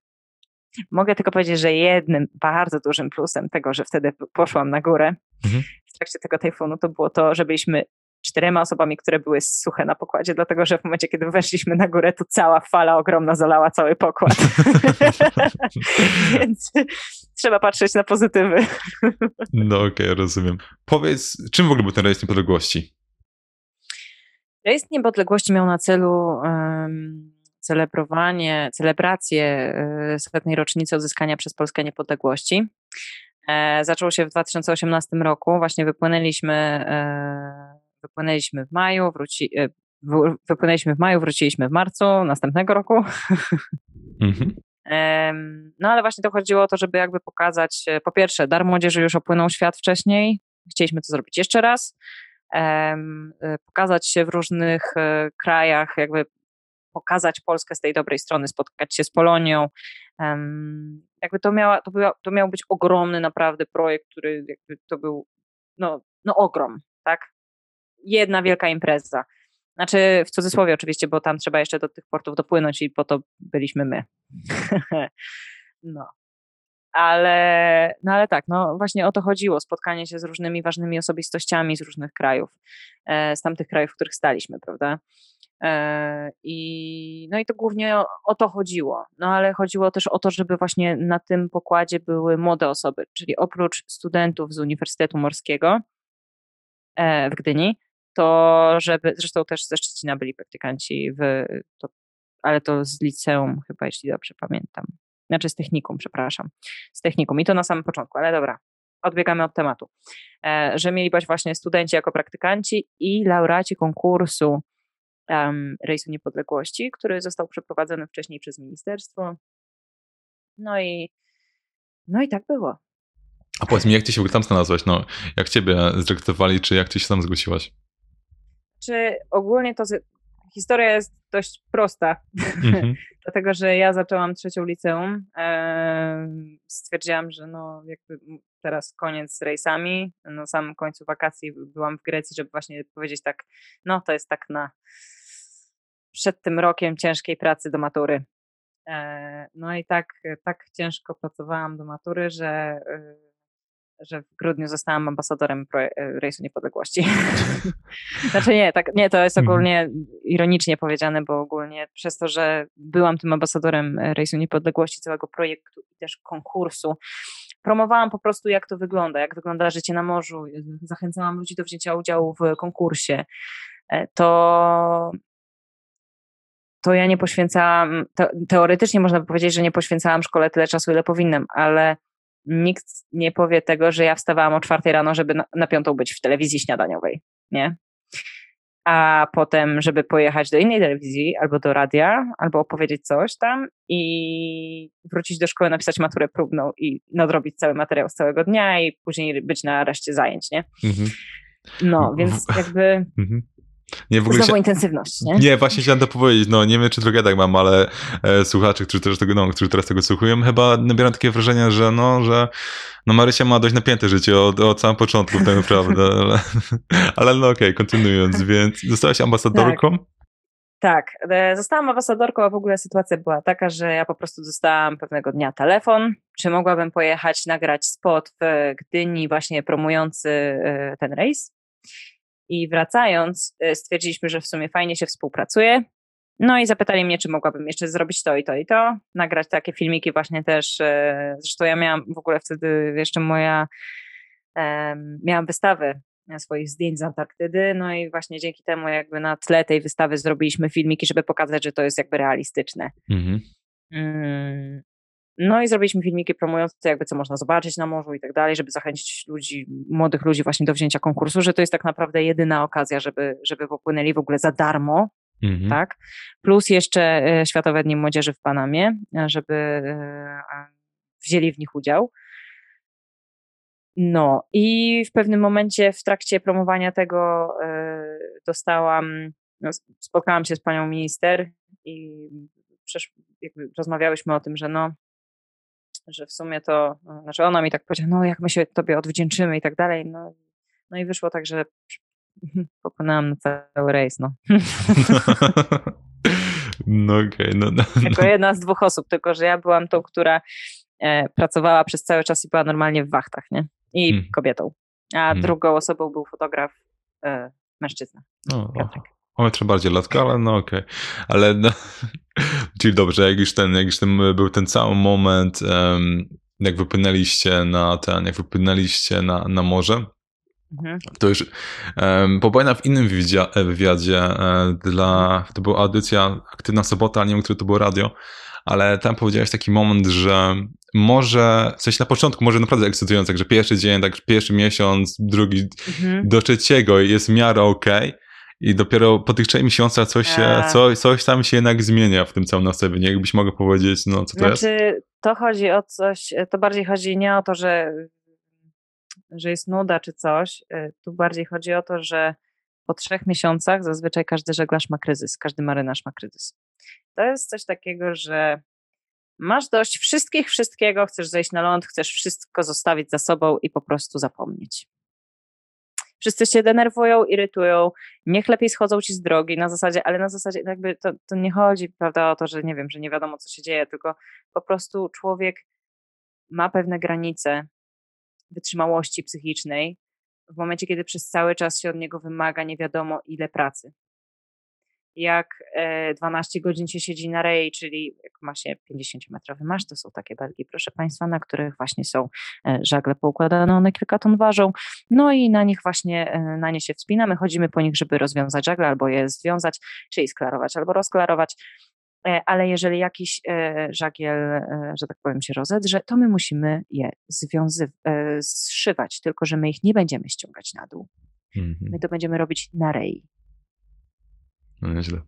I na przykład takie 12 godzin szycia żagla, albo malowanie masztu, albo coś. No to są normalne prace, no. Mhm. Jakby ja jeszcze przed tym rejsem nauczyłam się robić meble i, i, te, i e, cały, cały jacht tak naprawdę remont robiliśmy. No, znaczy, no. To, to było też po moim wypadku, bo ja miałam zmiażdżony palec. E, ale, to, ale to już było wcześniej, jakby to już było dawno palec się rusza, grać na pianie nie mogę, na różnych instrumentach mogę. Co prawda nie czuję y, części palca, mam rekonstrukcję jego, 20, y, taką fajną eskę mam, bliznę, no. no. tak dużo. I czuję, kiedy się zmienia pogoda, więc nie muszę w sumie patrzeć na niebo, ale wracając do rejsu mhm. niepodległości. Mhm. e, to wygląda na coś takiego, że ja na moim przykładzie na przykład E, w trakcie rejsu niepodległości. Wyglądało to w ten sposób. Myśmy wypłynęli 20 maja. E, zresztą sytuacja była taka, że to było dwa dni po mojej ostatniej maturze. Mhm. Dlatego, że ja miałam e, maturę ustną z angielskiego. Potem pojechałam następnego dnia, załatwiłam, odebrałam wizę do Stanów i następnego dnia byłam już w pociągu do Gdyni i wypływaliśmy niedługo. Więc no, po dwóch dniach. Więc no. Wypłynęliśmy, tam było mnóstwo, prawda, na początku tych e, portów, jakby tutaj niedaleko Polski, bo była Norwegia, była, byli, były Niemcy, była Norwegia, była e, ta. Estonia. Estonia, dokładnie. E, była Estonia, potem do Polski znowu w Szczecinie. No i już wtedy zaczął się ten takie dłuższe etapy się zaczęły, prawda? No i ja w ogóle na Teneryfie, w sumie to moi rodzice się dowiedzieli, jakie są wyniki matury przede mną i w momencie, kiedy dopływam na Teneryfę, to zaczynam z nimi rozmawiać i mówię, a tak w ogóle to zdałaś maturę. a dobrze wiedzieć, no okej. Okay. I to w sumie całkiem dobrze ci poszło, ale to dostaniesz w liście, dlatego że no my jesteśmy tą rodziną taką jeszcze dość starodawną, która pisze listy. O kurczę. E, a, przynajmniej, a przynajmniej dla mnie jest to bardzo wartościowe, dlatego że, znaczy dla nich też, bo w momencie, kiedy ja e, nie jestem w stanie się z nimi skontaktować, bo nie ma internetu, nie ma telefonu satelitarnego, a tak było przez pięć miesięcy aż. Mhm. Ja tylko w trakcie, kiedy byłam w porcie i miałam dostęp do internetu w jakiejś kafejce, to mogłam z nimi porozmawiać. Nigdzie indziej. To, e, no to jakby my wymyśliliśmy coś takiego, że w każdym porcie jakby ktoś, kto nas, kto będzie odwiedzać ten port, a oni będą wiedzieć, kto to jest, to e, przekażą mi paczkę oprócz tego jeszcze z jedzeniem, to jeszcze właśnie z listem, mhm. bo ja ogólnie, proszę Państwa, od e, wielu lat nie jem mięsa i byłam weganką, teraz jestem wegetarianką ze względów zdrowotnych, ale to już inna kwestia, zupełnie, zupełnie inna. E, więc oprócz słoików dostawałam jeszcze właśnie list i to była, to była taka rzecz, którą ja trzymałam e, w łóżku dosłownie, w sensie obok poduszki. Miałam albo naklejone zdjęcia właśnie ich e, na obok głowy. No, taka najbliższa forma, e, forma relacji na odległość, prawda? Ale taka właśnie, gdzie telefony nie istnieją prawie w ogóle. I piękne było to, że właśnie opisywali, prawda, jest y, od kilku osób w jednej kopercie, kilka różnych listów i dostaje list właśnie z któregoś tam dnia i zupełnie normalny dzień jest tam opisywany, prawda? Opisują różne, różne rzeczy, na przykład, nie wiem, moje siostry, że no miałyśmy, miałyśmy test, coś tam, ale w sumie poszedł dobrze, ale mogło być lepiej. Mhm. No, ale to są tak banalne, przyziemne problemy, powiedzmy, których w ogóle człowiek nie będzie później pamiętać, a ja mam to zapisane na kartce, odręcznie ich pismem i mam dalej je ze sobą. Właśnie to chciałem spytać. No, jeśli, no bo Oczywiście. Ja się założę, że tak, że masz jakieś kufery, czy jakąś skrzynkę lub cokolwiek, tak, pewnie mam, masz to upchane. No, to jest... mam, mam całą korespondencję poukładaną, łącznie z wydrukowanymi mailami, które też sobie wysyłaliśmy. Jezu, ale to musi być super, wiesz, jak to tak. wspominacie, albo pewnie już wspominaliście, wiesz, no przeglądając listy, no pamiętasz tu i tu i to, no to musi być akurat super, to jest naprawdę pamiątka całe lata. No, to mm. jest mega. Ale no, wracając no, znowu do rejsu, bo ja wiem, że tak. tak no, wracając znowu do rejsu, tak, tak, tak, bo tak e, nie, idziemy nie, do tych trzech miesięcy. Tak, tak, powoli się zbliżamy no, do tego. Tak, powoli się zbliżamy. No i e, tak, no i dopływamy na ten refę, już to jest któraś zmiana załogi. I w momencie, kiedy jesteś jedyną osobą, znaczy jedną z dwóch osób, które płyną na cały rejs, cały rok prawie, um, no to jakby na początku się przyz przyzwyczajają do faktu, że jakby to nie jest tak, że my będziemy utrzymywać kontakty ze wszystkimi. E, I, I w momencie, kiedy przez cały czas ludzie, cała załoga się prawie zmienia, znaczy nie chodzi mi o stało tylko o praktykantów i tak dalej, bo stała się zmieniała rzadziej, e, to, to nagle jakby uczy się ciągle tych ludzi tego samego. Jakby ja, ja normalnie uczyłam, po 20 dniach e, zostałam nieoficjalnym instruktorem. O tak. Więc... No, ale nie, właśnie co chciałem spytać, jak ty miałeś w ogóle no. stopień na tym, na tym statku? To jest dobre pytanie, bo do tego czasu, do tego momentu ja nawet tego nie wiem. Aha, okay. Bo podsumowując bardzo krótko, mhm. E, wyobraźmy sobie tak. Pracuję na to, żeby rejs w ogóle doszedł do skutku, żeby ludzie się zgłosili na niego, żeby mogło być dofinansowanie. E, potem wsiadam na pokład, gdzie mam obiecaną kabinę i internet, żeby móc się z, z rodziną porozumiewać. Nie dostaję ani tego, ani tego. Jestem przez 5 miesięcy w Kubryku z 10 osobami, tylko że przez 10 miesięcy przeprowadzam się 9 razy, przez 3 dni jestem bezdomna, tak naprawdę, bo śpię na korytarzu, dlatego że nie dostałam przydzielonego um, miejsca do spania. Ale żartujesz? Nie, żartujesz. Nie, nie żartuję. Czekaj, czekaj, byłaś ambasadorką jakby tego wszystkiego i miałaś taki... Tak. Ja właśnie myślałam, że ty miałaś wiesz, swoim własnym kwitem, Teraz... może... Je... Nie. I teraz okay. chwila, bo to jeszcze nie jest koniec. Więc teoretycznie jestem ambasadorką, która e, wysyłała zdjęcia i relacje do pewnego momentu jednej, jednej instytucji, potem innym. E, więc to to. Nie miałam tego internetu. Internet dopiero później zaczął być na godzinę, takie tokeny były. No, normalnie kartki były drukowane na internet. Jezu, no, no. Tylko, że ten internet w ogóle nie działał. E, potem e, przejdźmy w ogóle też do tego, że jakby w momencie, kiedy mamy kuchnię, i mamy kucharzy, no to oni gotują, ale oni gotują różne posiłki dla różnych mess. Messa to jest to miejsce, gdzie się je. No i e, jest messa studencka i jest oficerska. Oficers, w oficerskiej jedzą wszyscy, e, cała załoga stała, czyli komendant, oficerowie, bosmani, instruktor, instruktorzy itd., itd. Um, I goście. I fotograf. Nie może ja, ja do... ze studentami. O Jezu, właśnie powiedzieć, nie mów, że ten. No ja pracowałam normalnie tak jak wszyscy studenci. Mhm. Jakby no, oprócz tego, że nie miałam ulgi takiej, no, to ja ich jeszcze uczyłam. I więc dlatego jakby jak, jeżeli ktoś ma odpowiedź na to, kim ja byłam tam w ogóle, to byłabym bardzo wdzięczna, jeżeli by mi to napisał. Nawet w prywatnej wiadomości na Instagramie zapraszam. Ale jakby no. podsumowując to wszystko, co teraz Państwo usłyszeli, nie? No. Więc no. Masakra. Więc tak się sytuacja, tak, tak to było. No i właśnie w momencie, kiedy ty się przeprowadzasz kolejny raz, kiedy dostajesz swoją kabinę wreszcie, ale znowu się musisz do innej przeprowadzić. Mhm. E, I nagle jakby te trzy miesiące mijają i ty masz po prostu już dość wszystkiego. Już po prostu chcesz, chcesz wrócić do domu, do rodziny, chcesz mieć spokój, chcesz normalnie żyć, nie wiem, chcesz iść na studia, cokolwiek. Bo ja przez to, że jakby popłynęłam tam, to nie poszłam na studia, tak samo jak mój rocznik. No tak. No ale musisz sobie z tym radzić. I dzięki temu, że ja miałam już po prostu wcześniej pływałam też na długie rejsy, to ja wiedziałam, z czym to się wiąże, że ja po prostu jak widzę, że ktoś jest zdenerwowany, to ja schodzę im z drogi. I to jest najważniejsza rzecz, którą powinno się zapamiętać. Że w tym momencie ta osoba ani się na ciebie nie wydrze, ani nie będzie dodatkowej, e, mhm. dodatkowej spiny, powiedzmy, czyli kłótni. Nie będzie, no, będzie łatwiej, a ta osoba dużo szybciej wróci do tego swojego stanu normalnego. I tak było też ze mną. Ale z tym, że, z tym, że tylko właśnie no, takie osoby, brońmy, że nic nie, do nich nie mam, tak, pewnie chciał po prostu pomysł, ale dlatego, że to były nowe osoby, które nigdy wcześniej nie płynęły, nie płynęły na statkach i pewnie, wiesz, nie miało jakby, no, jakby nie miała tego doświadczenia, jakby nie, nie wiesz, i pytało się, ej Marysia, wszystko w tak. porządku? No, no. Tak. no i właśnie tu chcę do, dojść do tego, że trzy no. miesiące mijały akurat po zmianie załogi.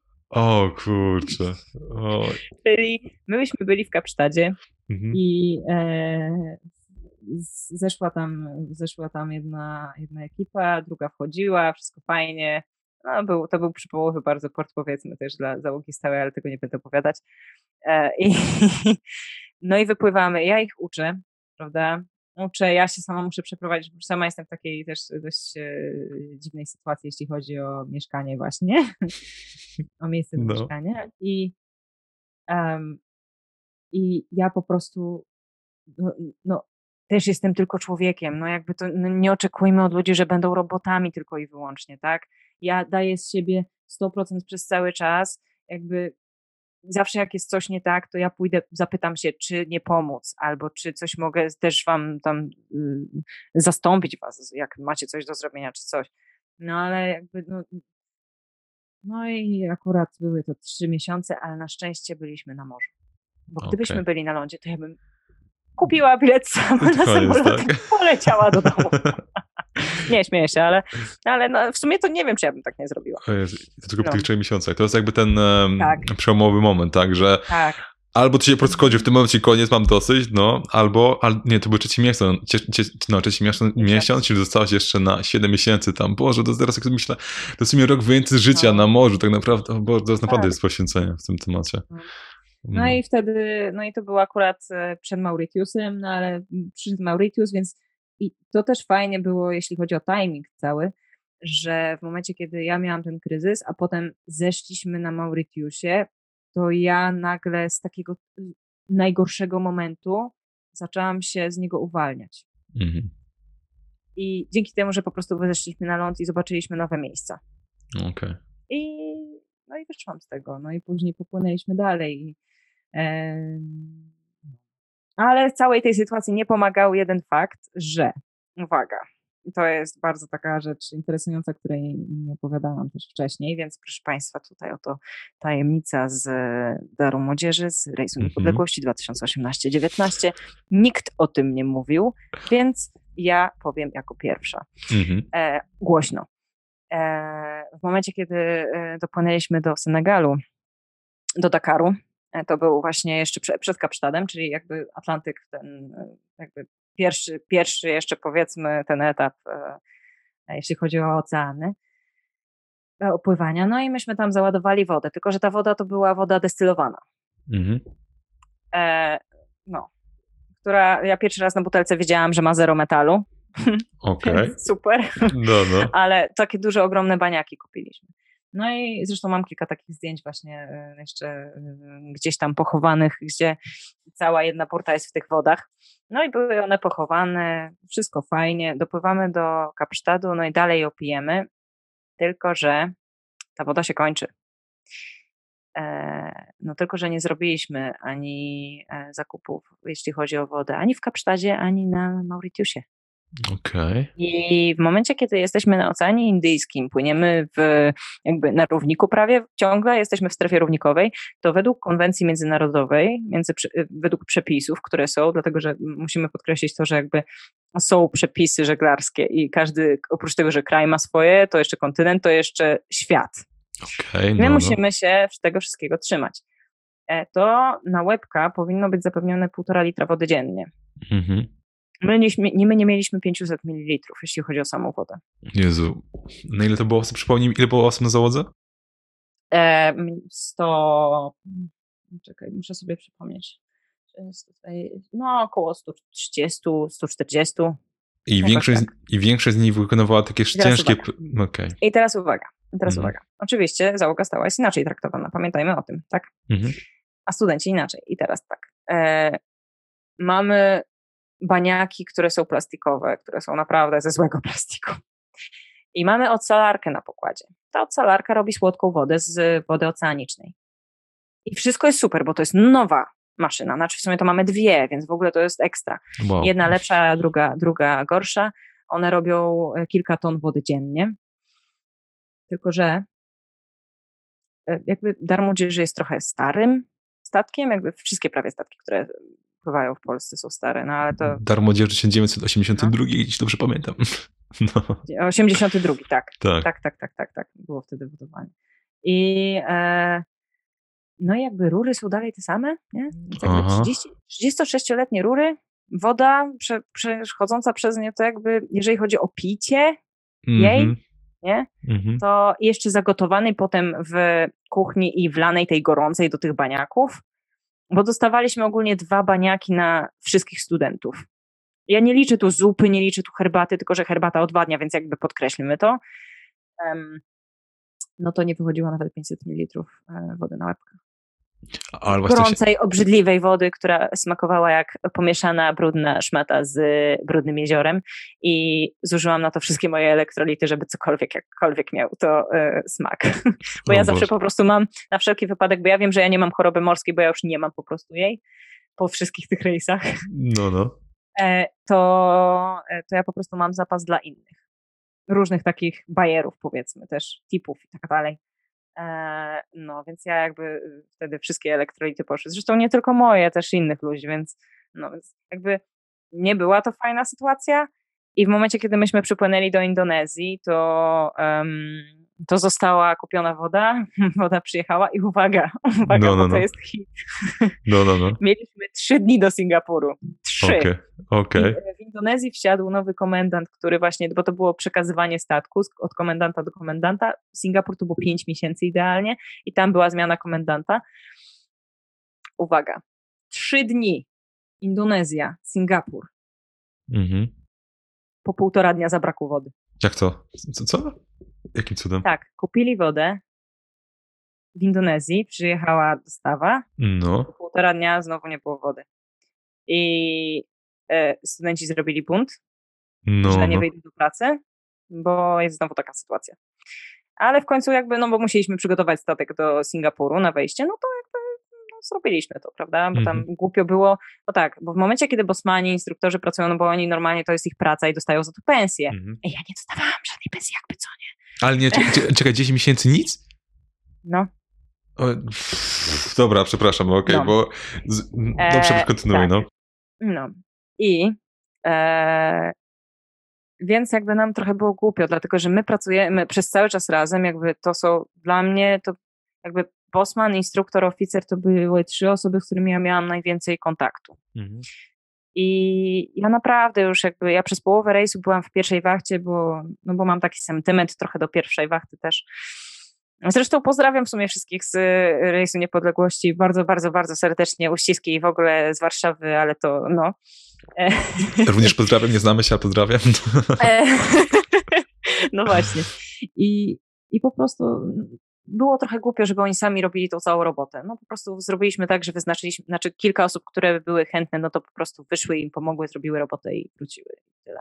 No to mhm. trwało tylko chwilę dosłownie.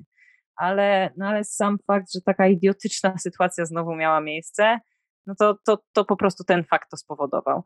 No i dopłynęliśmy do Singapuru i była znowu zmiana załogi, zmiana komendanta. Moja siostra mnie odwiedziła w Singapurze, e, więc tam e, zeszłam na chwilę ze statku. E, ze zgodą oczywiście. Wróciłam, potem był Hongkong, Osaka, w Osace mój ojciec chrzestny akurat był. No, znaczy akurat, no on tam akurat pracował, nie? Mm -hmm, ale, okay. no. A fajnie było I... na oko i zobaczyć.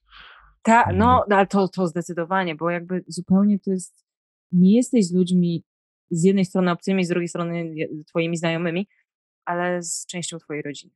No to tak. jest to jest tak zupełnie inny świat, że to w ogóle nie da się tego wyobrazić. Ja ja tak się cieszę, że tak, w Singapurze widziałam moją siostrę i od Singapuru e, miałam większy dostęp do internetu i telefonii e, komórkowej, satelitarnej, dlatego że został zamontowany telefon w, w takim niższym punkcie, gdzie ja mogłam od, po prostu przychodzić w trakcie, kiedy nie miałam wachty i, odbier- i rozmawiać z moją rodziną, umawiać się na godzinę konkretną.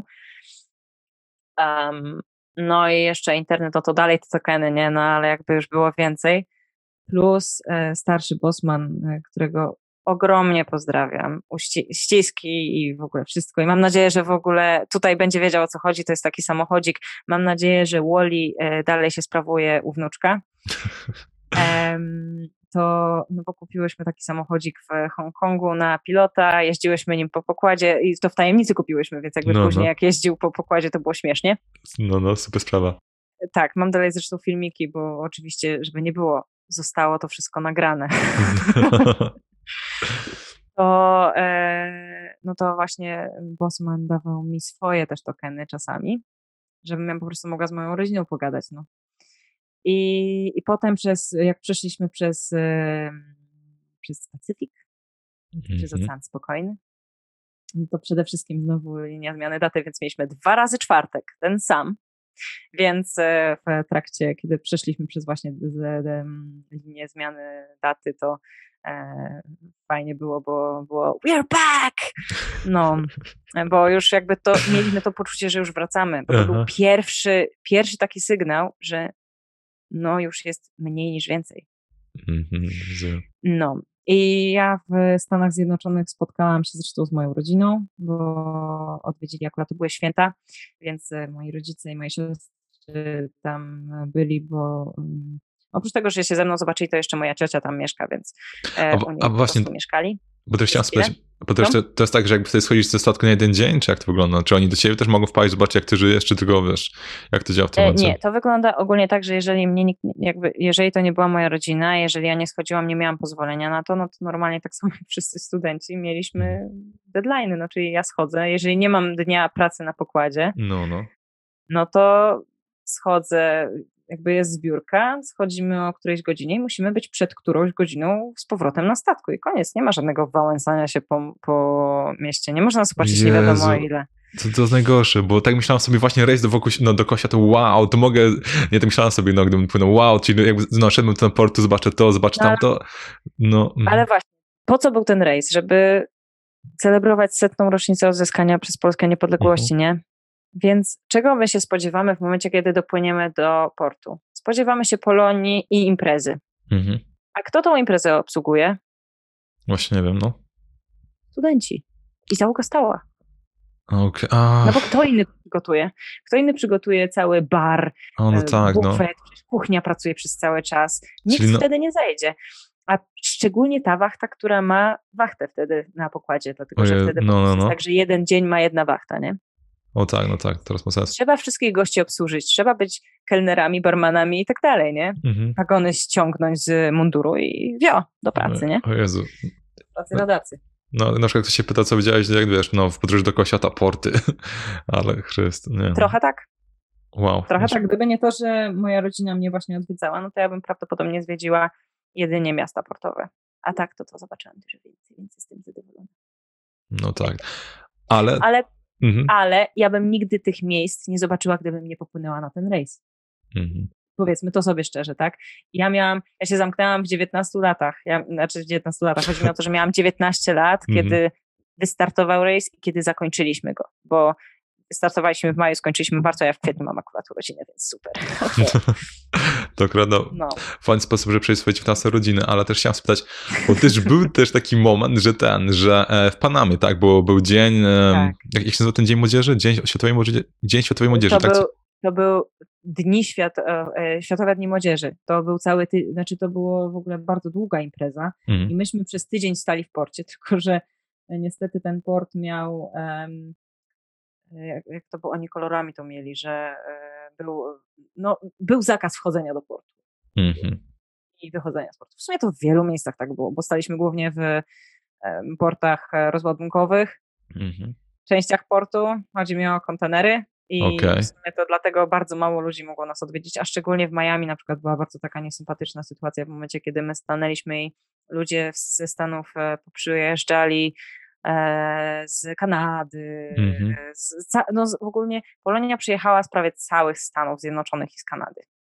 Okay. Żeby się z nami zobaczyć, żeby zobaczyć dar młodzieży, żeby dotknąć trochę, no bo tak naprawdę jak ten statek przypływa gdzieś, gdzie są rodacy nasi, to to jest dla nich kawałek ich ojczyzny.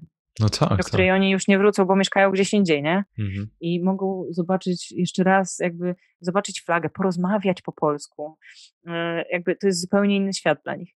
Mhm. A my niestety e, pierwszego dnia mieliśmy imprezę, potem było przestawienie statku i już wtedy staliśmy w takim miejscu, gdzie my nawet nie mogliśmy normalnie zejść ze statku, tylko musiał podjeżdżać busik, który nas zabierał. Mhm. Więc no i myśmy, my chodząc po Miami, my przepraszaliśmy wszystkich, którzy ta, których tam zobaczyliśmy, mhm. że stali na wjeździe do portu, e, że no my jesteśmy studentami, praktykantami, nie, nie wiem, no jakby, że no my nie mamy na to w ogóle wpływu, w ogóle. Jakby też nie jesteśmy osobami decyzyjnymi, też nie wiemy w jaki sposób w ogóle to miejsce było rezerwowane, tak? Mhm. Więc my nic z tym nie możemy zrobić. Tak samo jak załoga już nic z tym nie może zrobić.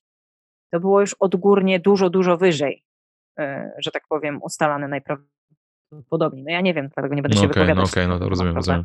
Ale, ale no, no, no słaba sytuacja, no.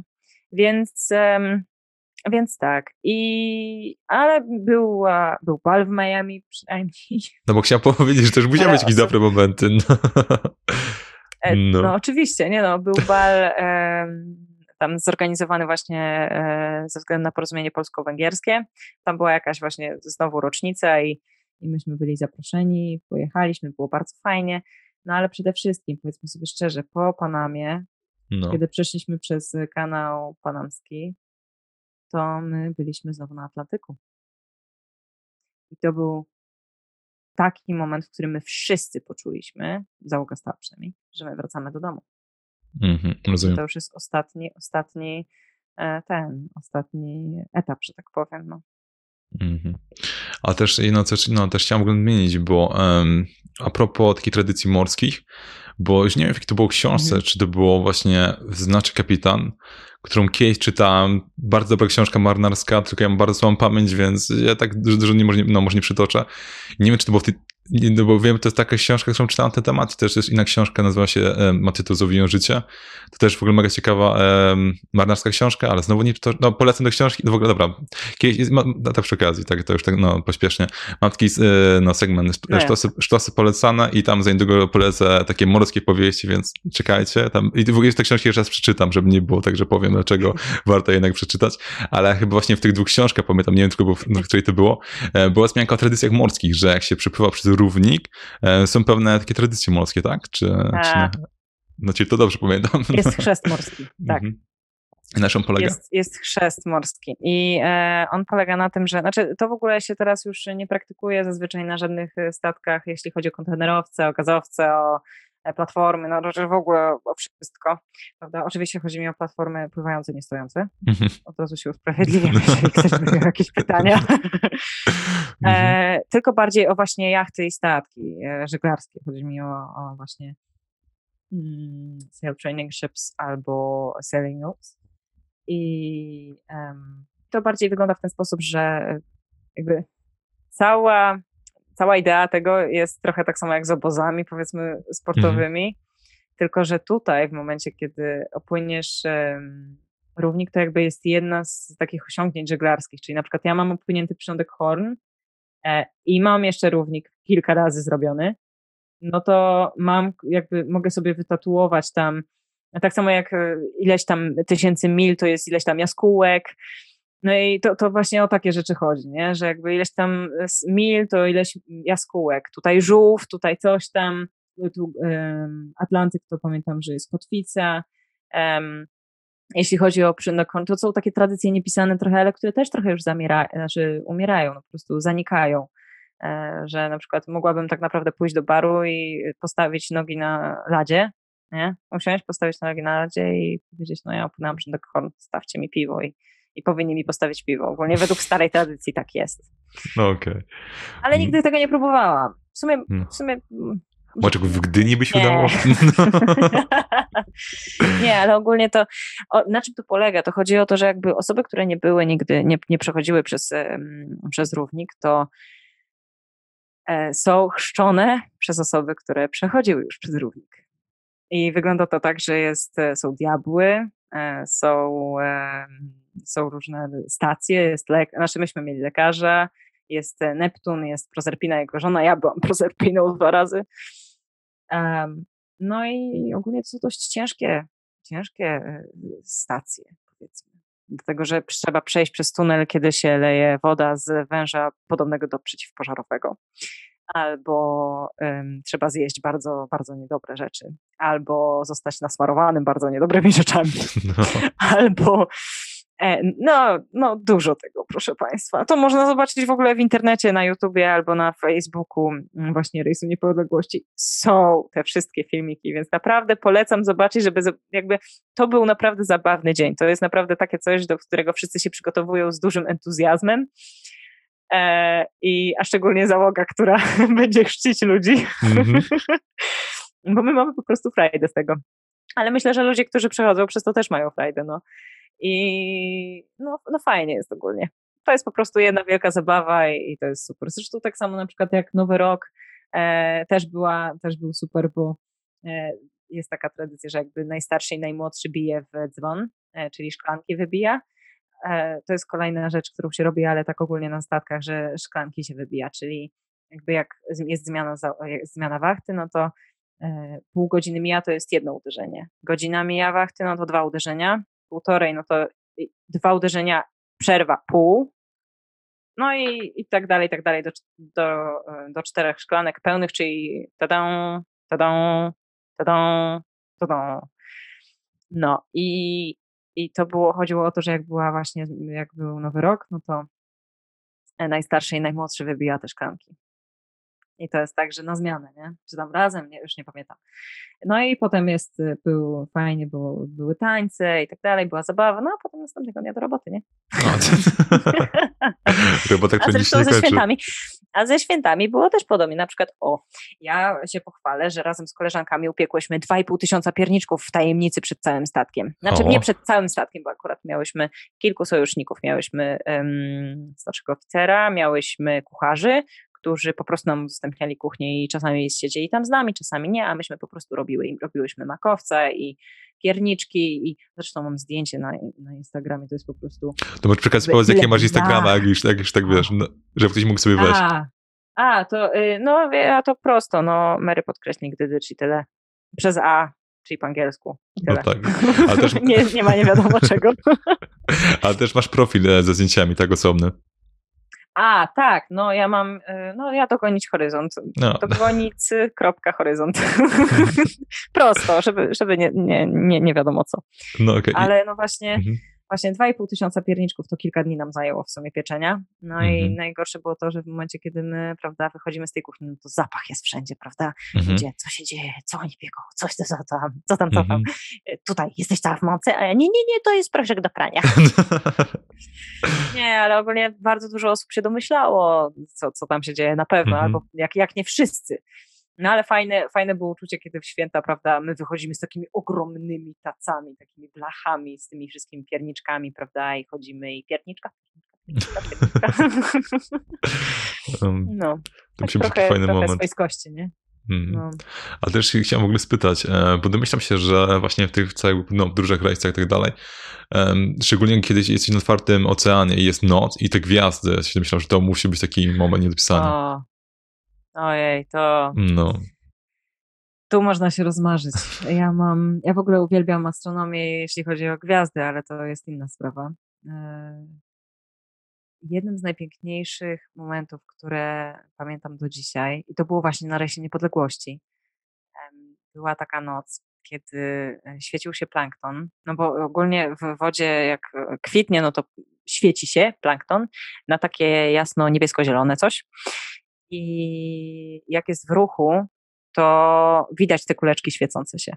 Czyli jak my płyniemy, to na przykład jak e, my przycinamy wodę i ta jakby utworzy się taka mała, mała falka piana, no to mhm. widać, jak to się świeci. Okay. Zresztą ja pierwszy raz plankton świecący widziałam, się na, widziałam na Antarktydzie i wiedziałam to wcześniej i wiecie, i zrobiłam coś takiego, bo e, na Selmie, czyli na tym 20-metrowym jachcie, na którym byłam przed, wcześniej, przed opłynięciem świata dookoła, przepraszam, że tak skaczę. Nie, nie, nie. Do, to Mhm. Zeszłam, jak zobaczyłam, że się świeci plamka na oceanie, to zbiegłam na dół do łazienki, do toalety no, no. A, i zaczęłam pompować wodę, dlatego że to jest woda z za, jakby z za burty i zaczęłam pompować wodę i w tej toalecie ta woda zaczęła się świecić. To jest, ojej, to jest akurat fajne. No. Nie, już, no, no, już myślałem, tak, że powiesz, że, nie, że wzięłaś się do switchka albo coś, bałem się trochę. Nie, nie, nie, nie, nie. Nie. A na rejsie niepodległości mm -hmm. właśnie taki najpiękniejszy moment, a zresztą jest taki w ogóle jeden obraz, proszę Państwa, mm -hmm. e, to, to, później powiem, e, Zdzisława Beksińskiego. E, to jest... Nie gadaj. Nie gadaj. Przecież to jest jakby, o Jezu, przecież jak nagrywałam właśnie I kiedyś... Teraz... I mhm. teraz tak, e, on namalował taki piękny obraz, na którym woda się świeci na taki turkusowo, turkusowy trochę kolor mhm. i są cudowne gwiazdy. I ja zobaczyłam ten obraz e, pierwszy raz e, już po rejsie niepodległości, ale kiedy go zobaczyłam, to od razu kupiłam jego e, kopię. No, no. Tylko, że to jest praktycznie to, co ja widziałam na Oceanie Indyjskim. Żartujesz.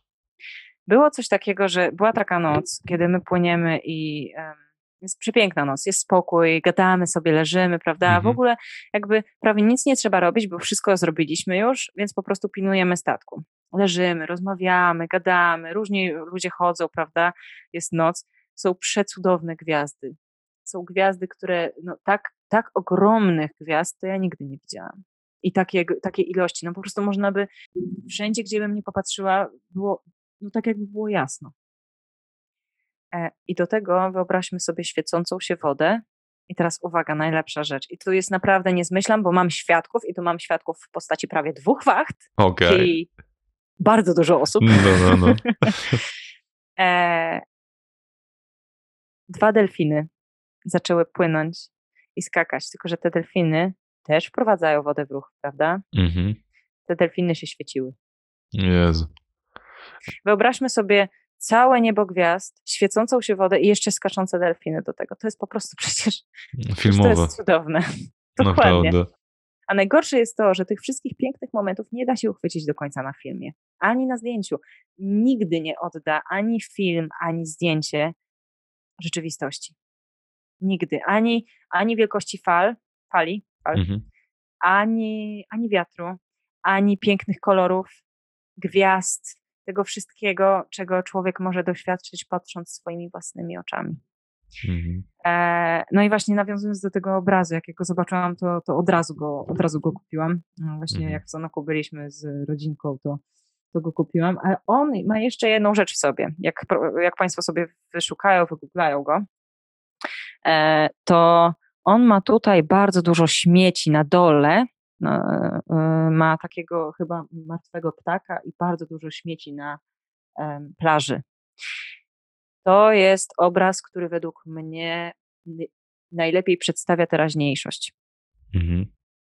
Ogólnie nasz teraz, teraz Ziemię. Dlatego, że z perspektywy żeglarza ja nie bez powodu przestałam e, jeść ryby, na przykład. E, już bardzo, bardzo dawno temu. Dlatego, że widziałam po prostu, w jakich one warunkach żyją.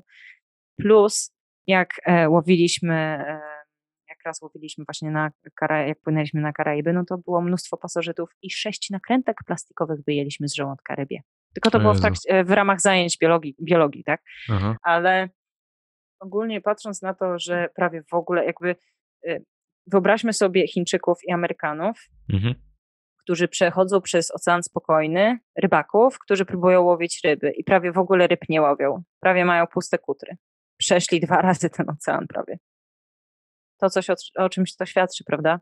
Plus my płynęliśmy obok e, tej wielkiej plamy śmieci e, pacyficznej, tylko że to jest e, coś takiego, że jakby to nie jest tak, że ty płyniesz ciągle w śmieciach, tylko jakby ty ich trochę nie widzisz, bo to są mikrośmieci. Okej. Okay. I one są też na głębokości. Więc jakby jeżeli ty widzisz ileś tam papierków pływających, no to to już oznacza, że jest bardzo źle, bo to znaczy, że jest takie natężenie, że ty aż to widzisz. Mhm. No.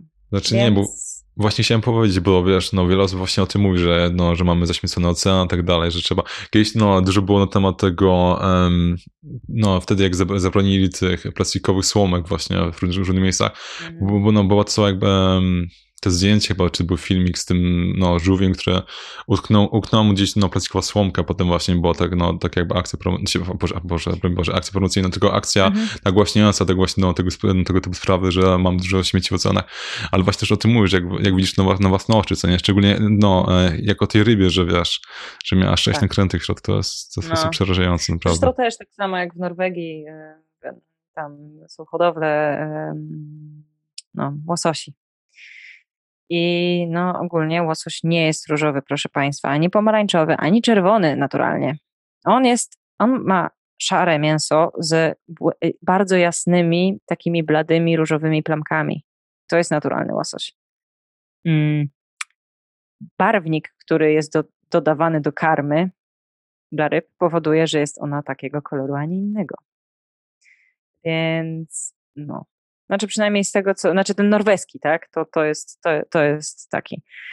Więc jak ja zobaczyłam, że w, do takich kółek, w których one żyją e, w morzu, e, podjeżdża ciężarówka i wsypuje to na jedzenia z barwnikiem do niej i one się tam gnieżdżą i jedzą to wszystko, to stwierdziłam, że dziękuję bardzo. E, ale no, mm, to nieważne. No w każdym razie to takie ciekawostki oczywiście ze świata, ze świata żeglarskiego, o którym nie tak zawsze często się mówi. Ale nie, to jest właśnie bardzo dobrze, bo właśnie, no, bo chciałam, nie, nie, nie, ale naprawdę cieszę się, że, że ty ale mówisz. no właśnie, no mhm. właśnie o to chodzi, żeby jakby pokazać też, ja, ja też ze względu na to, na takie właśnie inne, inne postrzeganie trochę świata, żeby też jakby pokazać y, z innej perspektywy. Ja dlatego stworzyłam to Dogonić Horyzont. Co prawda ono trochę umarło teraz ze względu na pandemię, ale jak się skończy, no to kto wie, może odżyje. um, ale no, ze śmieciami, wracając do śmieci, Antarktyda. Ja u Włodka Markowicza zaczęłam to opowiadać i do dzisiaj pamiętam, że nie skończyłam o tym mówić, więc proszę Państwa, Sztoskast, to jest ta szansa, kiedy ja kończę historię o styropianie na Antarktydzie. Okej. Okay. To Ogólnie sytuacja jest taka, tak przypominając szybko, jest traktat antarktyczny, który niedługo zresztą, e, znaczy dobiega końca, że tak powiem, zostało już e, niewiele lat, e, mhm. żeby on się skończył. No i roszczenia do Antarktydy się zaczynają różnych krajów, dlatego że ona ma ogromne złoża. Um, ogromne złoża. Złoże centralne. Wypadło mi. O, właśnie, dziękuję bardzo. Mhm. Wypadło mi słowo. Nie, jasne. Um, tak. I, I po prostu bardzo dużo krajów um, już zaczęło, że tak powiem, mówić, że no, no to my chcemy tę część, my chcemy tę część, my chcemy tę część. No ale to tak za bardzo nie jest, bo po to on został stworzony i podpisany traktat antarktyczny, żeby zabezpieczyć Antarktydę przed działaniem ludzkości, powiedzmy. Dlatego, że przed wpływem jej. Dlatego, że ekosystem już został zniszczony na tyle na Georgii znaczy ekosystem całkowicie został zniszczony na Georgii Południowej, to jest tuż nad Antarktydą właśnie, I żeby nie zniszczyć go na Antarktydzie, no to właśnie został on podpisany. Ale to oznacza, że my schodząc na ląd musimy się całkowicie odkazić, zdezynfekować cały sprzęt, wszystko co my niesiemy, żeby żadnych bakterii nie wnieść, łącznie z tym, że my płuczemy buty, zanim zejdziemy na ponton, i, i, znaczy na riba, taką modulóweczkę, i jak z niego wracamy na pokład. Um, więc to jest dwa razy dezynfekcja plus wszystkie śmieci, które przywozimy, zabieramy ze sobą. Nigdzie nie możemy zostawić niczego innego. Eee, i, I to mniej więcej właśnie prowadzi do tej historii ze styropianem. Dlatego, że my płynąc, w momencie, kiedy płyniesz w, między lod, lodami, tak, to się tak mówi, że pływanie w lodach, i zauważy się E, jakby taką zależność, że lód jest ciężki. Bardzo ciężki nawet. Wszystkie kawały, które pływają growlery, nie growlery. Growlery to są kawały lodu, które e, odpadły od albo góry lodowej, albo od lodowca. No. Nie, bo chociaż nie właśnie pytać, ale dzięki. Tak. no. I one bardzo dużo potrafią ważyć. Mogą być mhm. mniejsze, mogą być większe, ale te, te, większe mogą zrobić dziurę w kadłubie normalnie. Więc trzeba bardzo uważać. Tylko, że ich nie widać od razu. Dlatego, że one w momencie, kiedy jest zafalowanie, no to widać je przez chwilę, a potem one się chowają za falą, prawda? plus z opóźnieniem chodzą. I widać, że są ciężkie. Ja jestem za sterem, to jest pierwszy dzień, kiedy dopłynęliśmy do Antarktydy, ale nie do mm, wysp, do archipelagu, tylko normalnie już do kontynentu. Jakby stanęliśmy na lądzie stałym. O. E, no i wypływamy, płyniemy dalej. Przez to, że jest 24 na, na dobę jasno, no to jakby płyniemy. To nie może była nawet środek nocy, może był, ale no, mam to no. gdzieś zapisane w dzienniku. Okej. Okay. E, no i ja stoję za sterami. Wiemy, że, wie, pamiętam, że była kolacja, no bo byłam sama na pokładzie i płynę i tak patrzę. Nie, nie, no to jest lód. Może nie. Ej, słuchajcie, dacie mi lornetkę z dołu? Wstali od stołu, kolega mi podał, prawda, który był ze mną na wachcie, ale on jadł kolację akurat. Ja patrzę, nie, no niemożliwe. Okazało się, że wszystko jest możliwe. Był ogromny kawał styropianu, który pływał sobie wśród innych kawałków lodu i ja to zauważyłam. I popłynęliśmy do niego. I zrobiliśmy, powiedzmy, taką akcję ratowniczą dla środowiska na Antarktydzie, czyli po prostu popłynęliśmy po niego. Normalnie podeszliśmy tak zwany e, manewr podejścia do człowieka e, na wodzie, czyli jakby ktoś wypadł za burtę. Podeszłam, kapitan razem z innymi tam e, namocowali się z bosakiem, czyli taką długim kijem, którym się, no, który ma różne funkcje w sumie. E, nabili po prostu ten styropian i wzięliśmy go na pokład i, i wywieźliśmy go ze sobą do końca. Znaczy, no, wieśliśmy. Mhm. Ale rozumiem, że to taki duży, rozumiem, że to taki, taki duży ogromny, ogromny. Także taki, taki no... Może mam zdjęcie nawet, ale okay. no, no hmm. naprawdę taki bardzo duży.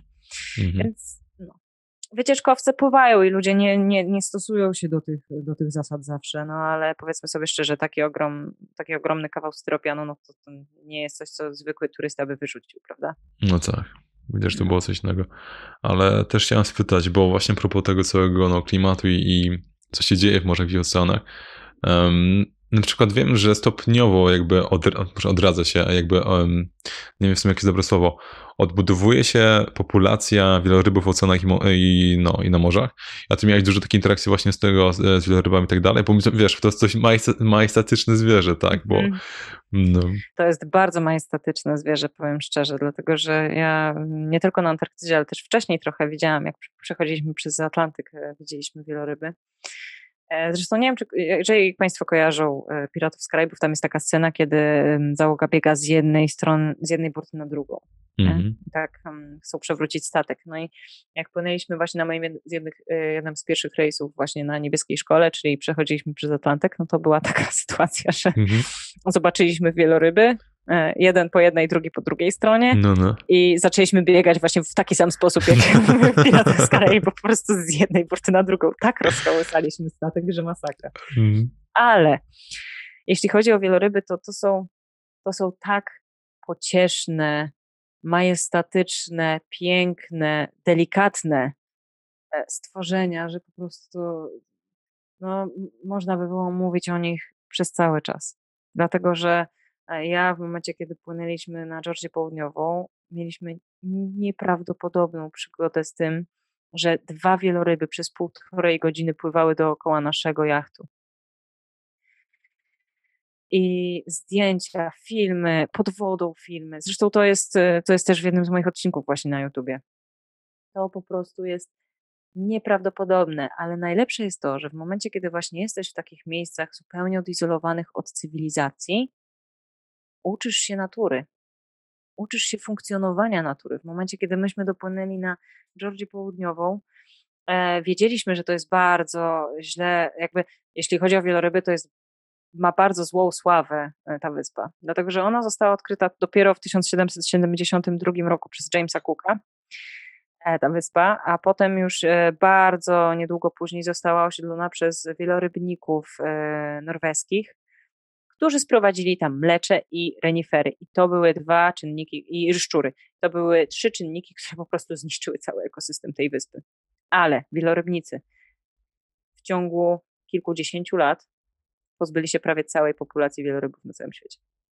Masakra. Tam 170 chyba kilka tysięcy wybili wielorybów w ciągu 60 lat. To hmm. wyobraźmy sobie, jaka to jest skala. Dlatego, że okazuje się, że tłuszcz wieloryba był wykorzystywany nie tylko do jakby energii, jeśli chodzi o światło, mhm. prawda? ale też to była baza na perfumy. Ja o tym nie wiedziałam. Mhm. No. I zostały tam wszystkie te stacje, e, one są oczywiście w bardzo złym stanie, nie wolno tam do nich w ogóle nawet podchodzić blisko, e, Mhm. no bo po prostu można no, zginąć albo poparzyć się. e, No, bardzo dużo jest e, niebezpieczeństw tam, powiedzmy. No ale jest jedna Grytwiken, w której, do której można chodzić sobie mm, bez problemu, można po niej sobie chodzić, bo tam też jest, jakby ona jest e, utrzymywana w taki sposób, żeby nie było to niebezpieczne dla ludzi, ale Mhm. tam są, e, tam jest baza naukowców, więc oni po prostu tam też są, tam jest muzeum, można pokazują jakby stary film nawet, jak to wyglądało, jak oni zabijali te wieloryby i jak oni je obrabiali. To jest tragedia, a widząc to na żywo, te ogromne piły. e, Mhm. To jest straszne określenie, ale zjeżdżalnie dla wielorybów. Po tym, jak otetnął im ogon, to po prostu to jest straszne. I między innymi dlatego wieloryby omijają tą wyspę. Żartujesz, aż one jak przekazują to swoim Tak. młodym... Żartujesz. Wow. Na e, obserwacje wielorybów, zauważono, przez obserwacje wielorybów zauważono, że w momencie, kiedy e, właśnie tak bardzo eksploatowano ten rynek, e, co też jest bardzo złym określeniem, ale no nieważne, Mhm. mm, to wieloryby bardzo coraz rzadziej zaczęły tam przypływać. I dopiero niedawno humbaki, które jako jedyne całkowicie pra praktycznie swoją populację em, odnowiły, to, to one tam pływają, one się tam pojawiają. Zresztą myśmy tam też jednak go widzieli. Ale inne nie. Mhm. To jest niesamowite, że e, Że nawet po takim, no, po takim wszystkie czasie. inne wieloryby po prostu, tak, no. Mhm. Myśmy widzieli jeszcze, jeszcze kilka innych wielorybów z innych gatunków. Eee, zresztą, znaczy to długo by opowiadać, bo Nie, tak naprawdę wieloryby, wieloryby, ale to tak, jest od ogromnych do małych, do Mhm. takich, które wcale nie są takie ogromne. Mhm. Em, no, ale, ale wieloryby to jest coś po prostu przecudownego i kiedy widzisz, jak one żerują, czyli jedzą właśnie em, kilka, w kilka osobników na przykład robią takie bąble, Mhm. a z bąblami chodzi o to, że jakby one nurku, jeden nurkuje No, no. i robi taką spiralę coraz wyżej, ale Mhm. zawęża ją i właśnie wypuszczając powietrze. Mhm. Te bąble powodują to, że on zacieśnia kryl w jednym miejscu i wtedy te dwa się po prostu żywią tym krylem. Mhm. Mhm. Po prostu łatwiej im jest w ten sposób. Zamiast ciągle mieć otwartą paszczę i filtrować i tak dalej, no to jest przecież trzeba sobie ułatwiać życie, prawda? No, oczywiście. No, One no. nie są głupie. Mhm. No, więc to ła. No, Nie- no, mo- mogę tak długo opowiadać. Nie, no nie, ale po prostu nie, zazdroszczę ci strasznie, że ten. A widziałeś w ogóle podfale błękitnego? Podfale. Nigdy. Mhm. Nigdy nie widziałam płetwala błękitnego. Ja miałam, em, miałam to szczęście, że widziałam bardzo dużo e, humbaków, zresztą tak dosłownie kilkanaście centymetrów od mojej ręki i w sumie mojej twarzy, kiedy, było, kiedy był przechył, no ale to no. Mhm. E, widziałam, na, ojej, na S one się nazywają. Na S. Takie, takie mało Tak. duże. Na S. One E, są większe. One są większe od e, humbaków. No to są długopłet, długopłetwowce, długopłetwce, jakoś tak? Długo, mhm. długopłetwce, długopłetwiec, tak, tak, tak. Ale chyba Sejwal się nazywa, albo coś takiego. No już nie pamiętam, przepraszam, ale nie, nie, jestem nie, biologiem. nie, nie. Mimo wszystko chciałam być, e, że tak powiem, jeśli o to chodzi, ale e, życie mnie przyniosło na razie na, inny, na inną ścieżkę, aczkolwiek ja jej jeszcze nie e, przekreślam. Anyways, Mhm. Niesamowite jest to też, że człowiek, taki zwykły człowiek się uczy, że na przykład to, jak one wypuszczają powietrze, prawda, razem Mhm. z wodą, to na podstawie, to jest nazywane gejzer. Mhm. E, każdy wieloryb ma inny kształt gejzera. I Aha. ty z daleka wiesz, co to jest za wieloryb. Żartujesz, że to jest aż tak unikatowe? Naprawdę, to jest aż tak. Łącznie z tym, znaczy nawet w podręcznikach jest coś takiego. Mhm. E, płe, po płetwach się rozróżnia. Ty nawet nie widzisz, jakiej wielkości jest ten wieloryb. Mhm. widzisz jego płetwę grzbietową, która jest albo bardziej zaostrzona, albo bardziej okrągła i Mhm. już wiesz, jaki to jest wieloryb. To Okej. jest po prostu a, wow. Ale, e, ale wracając w ogóle do tej natury, że jakby wiesz, Mhm. uczysz się zachowań jakby systemu całego, jeśli chodzi o dzień, o to, czego się boją zwierzęta i tak dalej. W traktacie, w trak, traktacie antarktycznym chodzi mhm. o to też, że nie można się zbliżać bliżej do osobników niż 5 metrów do osobnika pojedynczego i do kolonii na bliżej niż 10-15 e, metrów. Mhm. Ale on może podejść do ciebie, cię zjeść, zaatakować, wszystko może. No ogólnie ty jesteś tam gościem. Mhm. Nie jesteś panem. Jesteś gościem i musisz to uszanować. Ale żyją tam takie zwierzątka jak puchatki. Oprócz pingwinów, które są cudowne i śmierdzą potwornie, ale to nieważne. Przepraszam za stwierdzenie. No śmierdzą to nic e, takiego. To... No, no, no skoro to prawda, to wiesz. No, a, a, ale... a, przepraszam, ja wiem, to będzie teraz no. strasznie mega duża dygresja, ale chciałem tylko no, połączyć tamten wątek. No. A pamiętasz, pamiętasz jak pytałem się, czy śmierdzia, śmierdziałaś, śmierdzia, no, śmierdzialiście po tym czasie, bo nie było prysznic, prysznicy, także wiesz, no to... A, no, myśmy nie Nie, nie, nie, nie. No, znaczy śmierdziliśmy, ale myśmy tego nie czuli. No to właśnie mówię, że dla pingwinów to nie było różnicy, także no dobra, poza tym te, no, ten wątek jest skończony, takie pełne kogoś, a przynajmniej to zrobić, okej, okay, niech będzie, no. Przepraszam, przepraszam, mów no. dalej, no. Nie, nie, spokojnie. Spokojnie, no w sensie chodziło mi o to, że jak mhm. dopływaliśmy do największej kolonii właśnie pingwinów, to najpierw ją poczuliśmy, a potem ją zobaczyliśmy, tak się śmiejemy. Ale to no. dosłownie, tak naprawdę to, to, to czuć. Aż tak, tak. no, ale wracając do, do innych zwierząt, mhm. puchatki. To są piękne zwierzątka, które myślisz, że są cudowne, bo są podobne do fok. Mhm. A tak naprawdę są bardzo szybkie i bardzo groźne i mają ogromnie duże zęby, mhm. kły ogromnie duże. Na rejsie przed nami e, był e, taki wypadek, że jeden właśnie zaatakował e, człowieka, ten człowiek nie zdążył uciec, ugryzł go w nogę, ale uwaga, na szczęście, no. wszyscy po prostu w czepku jesteśmy urodzeni tam, no, no. właśnie w tych południowych rejonach. Akurat na pokładzie jednym z załogantów był chirurg tętniczny i go po prostu no. zoperował na stole. O Jezu, to... Bo żaden helikopter tam nie przyleci. Ale też była aż, aż taka głęboka rana? Możemy podpisujemy normalnie. No, się... Odgryzła mu prawie nogę. Jezu. Wow. No. Um, więc tak. Więc my musimy się nauczyć między nimi poruszać, bo może być tak, że nawet z plaży nie zejdziemy dalej na ląd, prawda? Nie przejdziemy przez kawałek gór ani nic. I też czekaj, zanim... Na pierwszej... Um... Mhm. Nie, też zanim ci przerwałam, no. podpisujecie e, ten kontrakt czy coś takiego, że bierzecie wszystko na, na swoją odpowiedzialność, tak? Że jak coś się stanie, no to no cóż, tak bywa. Okej, okay, dobra. No, przepraszam, wracam do tego. Okay. A jeżeli złamiemy prawo, to idziemy, to idziemy do więzienia na, fa na Falklandach. Okej, okay, dobrze. Okej, okay, dobrze wiedzieć w razie czego. No i jest pewien monitoring, więc jakby nie wiemy gdzie, ale jest. Wiemy mm. to, mhm. że jest, bo musi być jakaś, w jakiś sposób jest e, obserwacja, prawda, wszystkich gatunków tam. No ale dobra, wracając do uchatek. Pierwsza zatoka, schodzimy na ląd. Tak, e, pierwsza zatoka, schodzimy na ląd.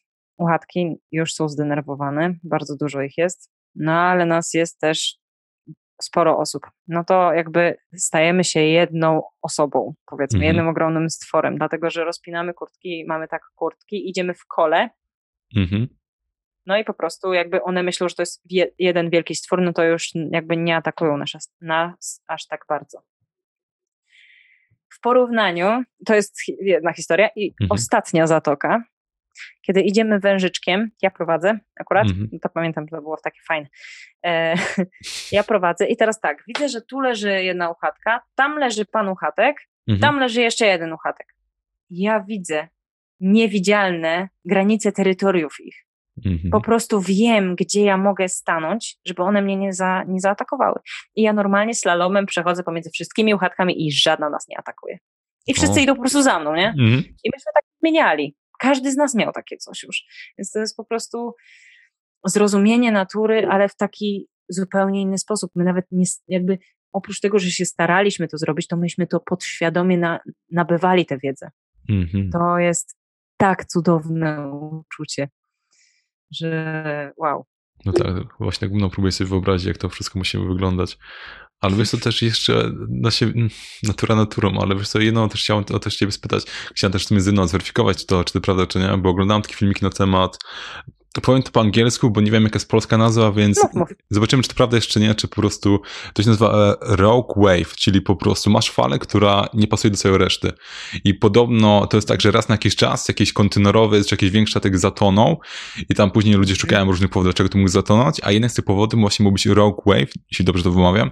Polega to na tym, że masz swoje normalne fale, które jakby się niczym nie, nie wyróżniają i nagle masz taką, powiedzmy, że masz, nie wiem, masz fale, które są po, nie wiem, 6 metrów i tak dalej i nagle masz taką falę, która ma 18 metrów czy 24 metry, rozumiesz?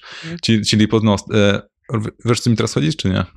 Że masz Wiem tak, o co ci chodzi. Mm, I właśnie Wiem o co ci chodzi. I w historii właśnie no, no, było tak, że statki no, by, były zatapiane i ludzie no, nie za bardzo wiedzieli, czemu ten statek no, mógł być zatopiony, kiedy skoro przepływał w, taki, wiem, w takim miejscu, gdzie nie ma takich wysokich fal. I właśnie Rogue Wave, czyli to jest taka jedna pojedyncza fala, albo nie wiem, chyba jakaś mm. seria, ale, ale chyba raczej taka jedna fala, która po prostu jest tak ogromna, że no, może spowodować, że statek po prostu może zatonąć. No. Wiesz co, ja się nie spotkałam nigdy z taką falą, szczerze mówiąc, mhm. e, dlatego że jak już są złe warunki, są, to są bardzo złe warunki. Mhm.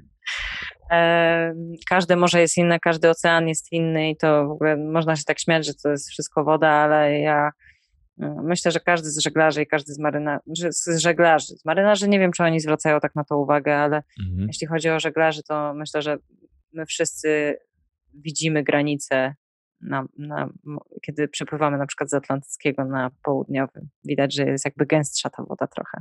Mhm. E, że inaczej się układają fale, że na, na Morzu Bał Morze Bałtyckie to jest krótka, nieregularna fala, która jest po prostu straszna. Ja mhm. nie cierpię Bałtyku.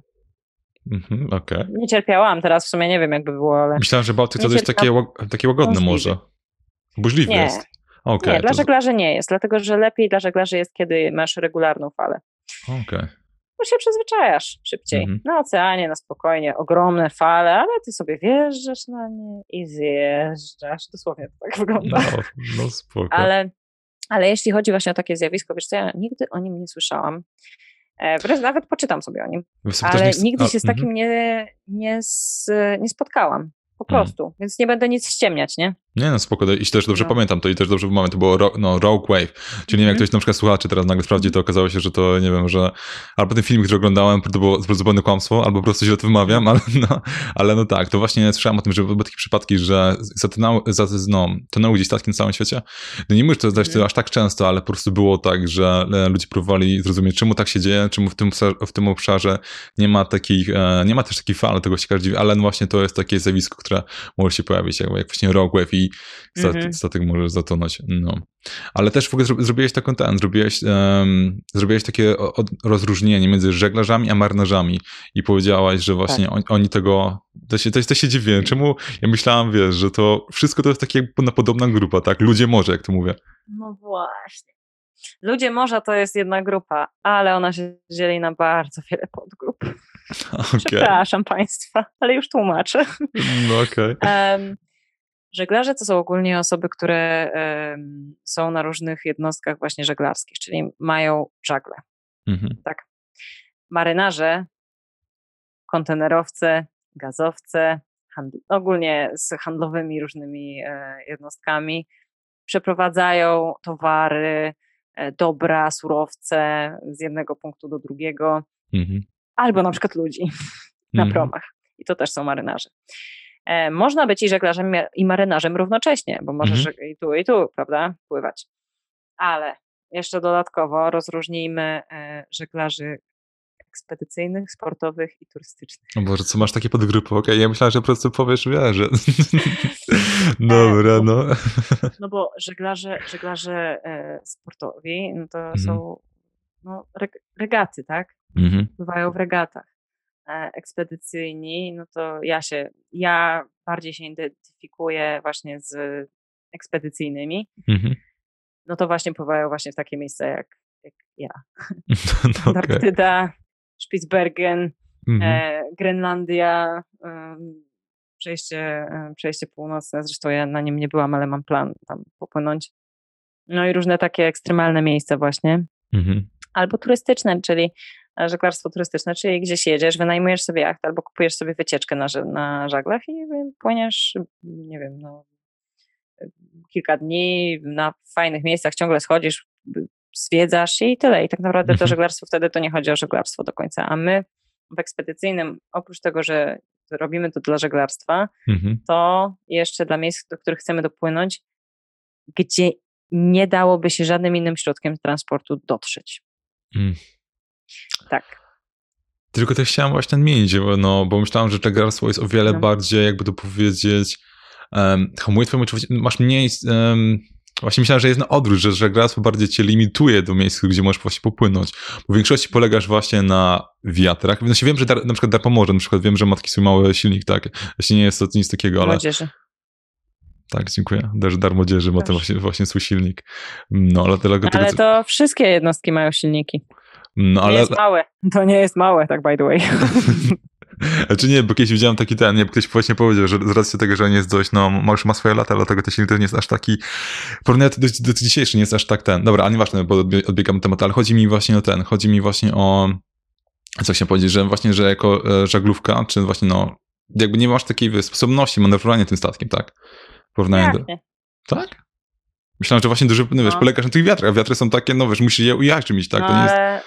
no ale słuchaj, no to nie jest tak, że wiatr wieje w jednym kierunku i my w tym kierunku musimy płynąć. Właśnie cały majstersztyk żeglarstwa polega na tym, że my chcemy popłynąć tam, więc my musimy nawigować w, ten, w taki sposób, żeby tam dopłynąć. Mhm. Z tymi wiatrami, które mamy. E, każdy jacht jest wyposażony i każdy żaglowiec jest wyposażony w silnik jak nie dwa, jak nie trzy. Mhm. No dlatego, że no w ogóle jest, y, jest zakaz wpływania do portu na żaglach. No zacznijmy w ogóle od tego, nie? Mhm. No i wszystkie manewry cumowania są na, na silniku robione.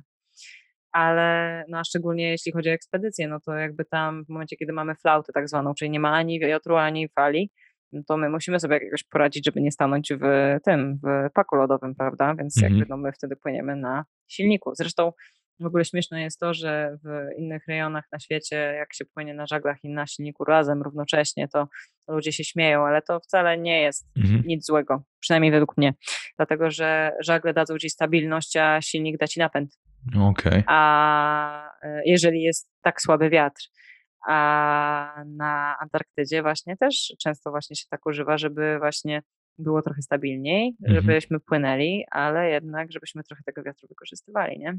Mhm, no rozumiem. Czyli na przykład pojęcie sztilu, czyli braku wiatru na morzu czy na oceanie w ogóle wam nie, nie przeszkadza, bo wtedy macie... Nie, A, no, po okay. prostu mamy wtedy silnik. A, okej, okay. czyli nie, nie masz takiej historii, że nie wiem, że brak wiatru, coś, nie, nie wiem, że jest, no, coś Jeżeli się... ktoś... Mhm. Słuchaj, jeżeli ktoś chce zrobić replikę sobie jakiegoś e, statku, który nie ma silnika i sobie tak popłynął na własne życzenie, no to sobie płyną i oni wtedy mają problem. Mhm. No rozumiem. Ale wiesz Ale no, mhm.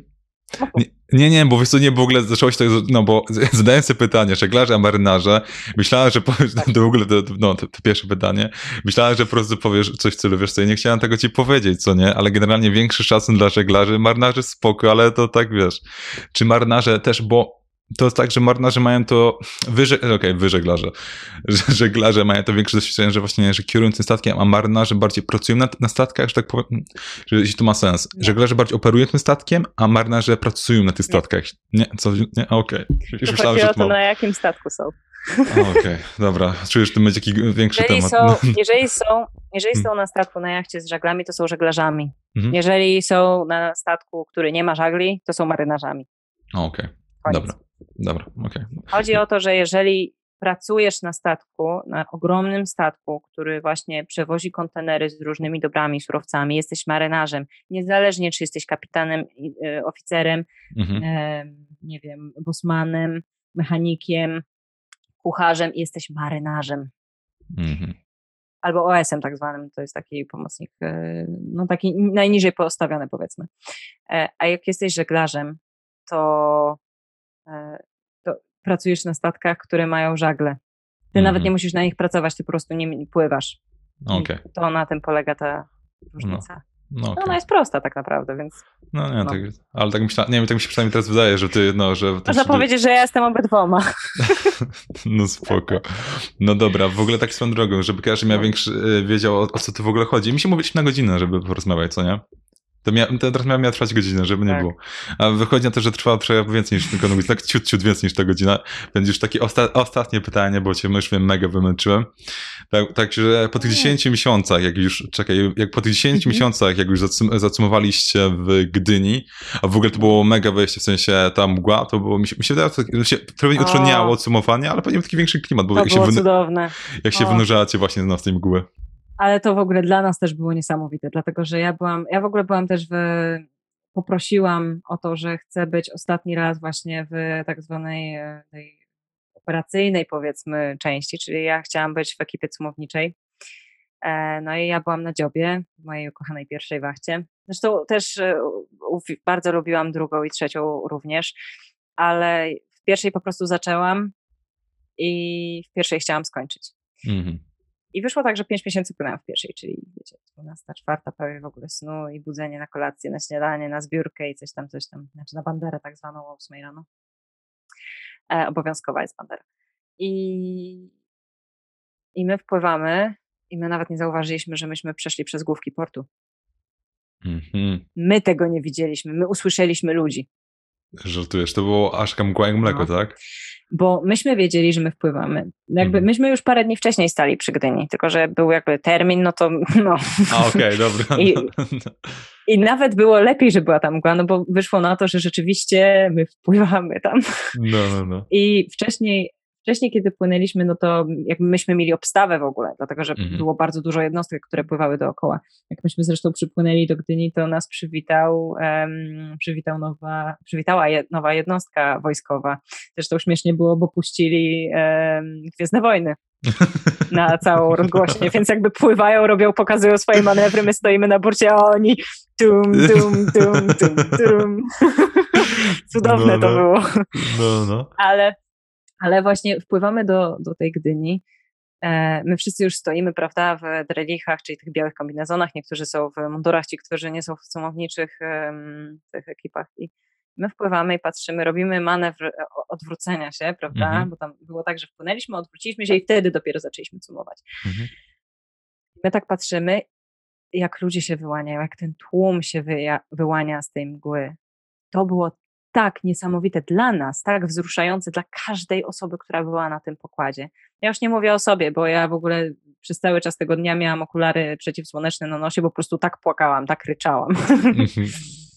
Każdy, chyba każdy wywiad, który wtedy przeprowadziłam, to było w okularach przeciwsłonecznych, więc po prostu świetnie. A, a wiesz, że chciałem cię w ogóle to spytać, co nie? Bo jest w ogóle filmik z tego, jak, no, jak sumujecie. Dziwnie sobie, jest mgła, dlaczego ona ma okulary przeciwsłoneczne we mgle? Dlatego, dobra. znaczy nie, no bo później, później wyszło słońce, nie? Ale... okej, okay, no, no, no. Ach, no, ale to było piękne. No, było ogromnie wzruszające, no bo dla mnie ja wróciłam po 10 ponad miesiącach do, mhm. do Polski. No tak, tak. tak prawdziwie, fizycznie. Mhm. E, prawie wszyscy, którzy stali na Kei, mhm. to byli albo znajomi, którzy byli na tym rejsie wcześniej, mhm. albo ich rodziny, studenci, e, załoga stała, wszyscy. I nagle ja wpływam i słyszę tylko Marysia! Z jednej strony, z drugiej strony, z trzeciej strony. Mhm. Tu widzę, że baner moja rodzina zrobił, a tutaj widzę to. Po prostu, no jak tu się nie popłakać w takim mhm. momencie, prawda? I jeszcze starasz się zrobić swoją pracę ostatni raz mhm. z przycumowaniem tego statku. Czyli z, ze zrobieniem wszystkich, e, ciągnięciem tych linii i tak dalej. Tak, i, tak dalej. I każdy no, patrzy, no. Tak. tak. Mhm. No, bo to było dla mnie takie symboliczne, że ten ostatni raz, bo ja wiedziałam, że ja już nigdy nie wsiądę na ten statek. Mhm. Ostatni raz chciałam popracować na takiej, na takiej zasadzie. Byłam już spakowana, kończyłam, mhm. znaczy już teraz tylko była kwestia wyniesienia tych wszystkich rzeczy. Ja miałam ogromnie dużo rzeczy. Mhm. Ogromnie. Mhm. 10 miesięcy, no. Więc tak. No, 10 miesięcy. Jeszcze zakupy różne po drodze, tak? Już no. powiem, tak, no domyślam się. Ale dobra, to w sumie jest takie ostatnie pytanie, więc jak już e, wiadomo, jak no, z tego tak. statku zeszłaś, wiadomo, pierwsze zrobiłaś, to przywitałaś się z, no, z rodziną, z babciami, ciotkami, dziadkami, kotami, pieskami, tym wszystkim. Jak już, Nie, no, no w, sumie to, w sumie to z rodzicami i siostrami. O, I okay. wszystkimi, którzy byli na rejsie. No okej, okay, no dobra. Ale mam takie pytanie, no. tak już taką pierwszą, po tych 10 miesiącach jakby wiesz, w podróży na morze, na oceanach i tak dalej, mm jak była taka, no wiesz, poza spotkaniem się właśnie z tymi e, bliskim i tak dalej, jaka była taka pierwsza rzecz, którą tak zrobiłeś? Nie wiem, czy to był taki jakiś obiad, o którym myślałeś o 10 miesięcy, czy to była, nie wiem, żeby gdzieś pójść, coś zobaczyć, coś takiego na lodzie. Jaka to była taka pierwsza rzecz, o której po prostu musiałeś wiesz, zrobić no, 10 miesiącach? Ła, dwa dni w momencie, kiedy przy, przypłynęliśmy, te dwa dni były takie ogromnie emocjonalne dla mnie.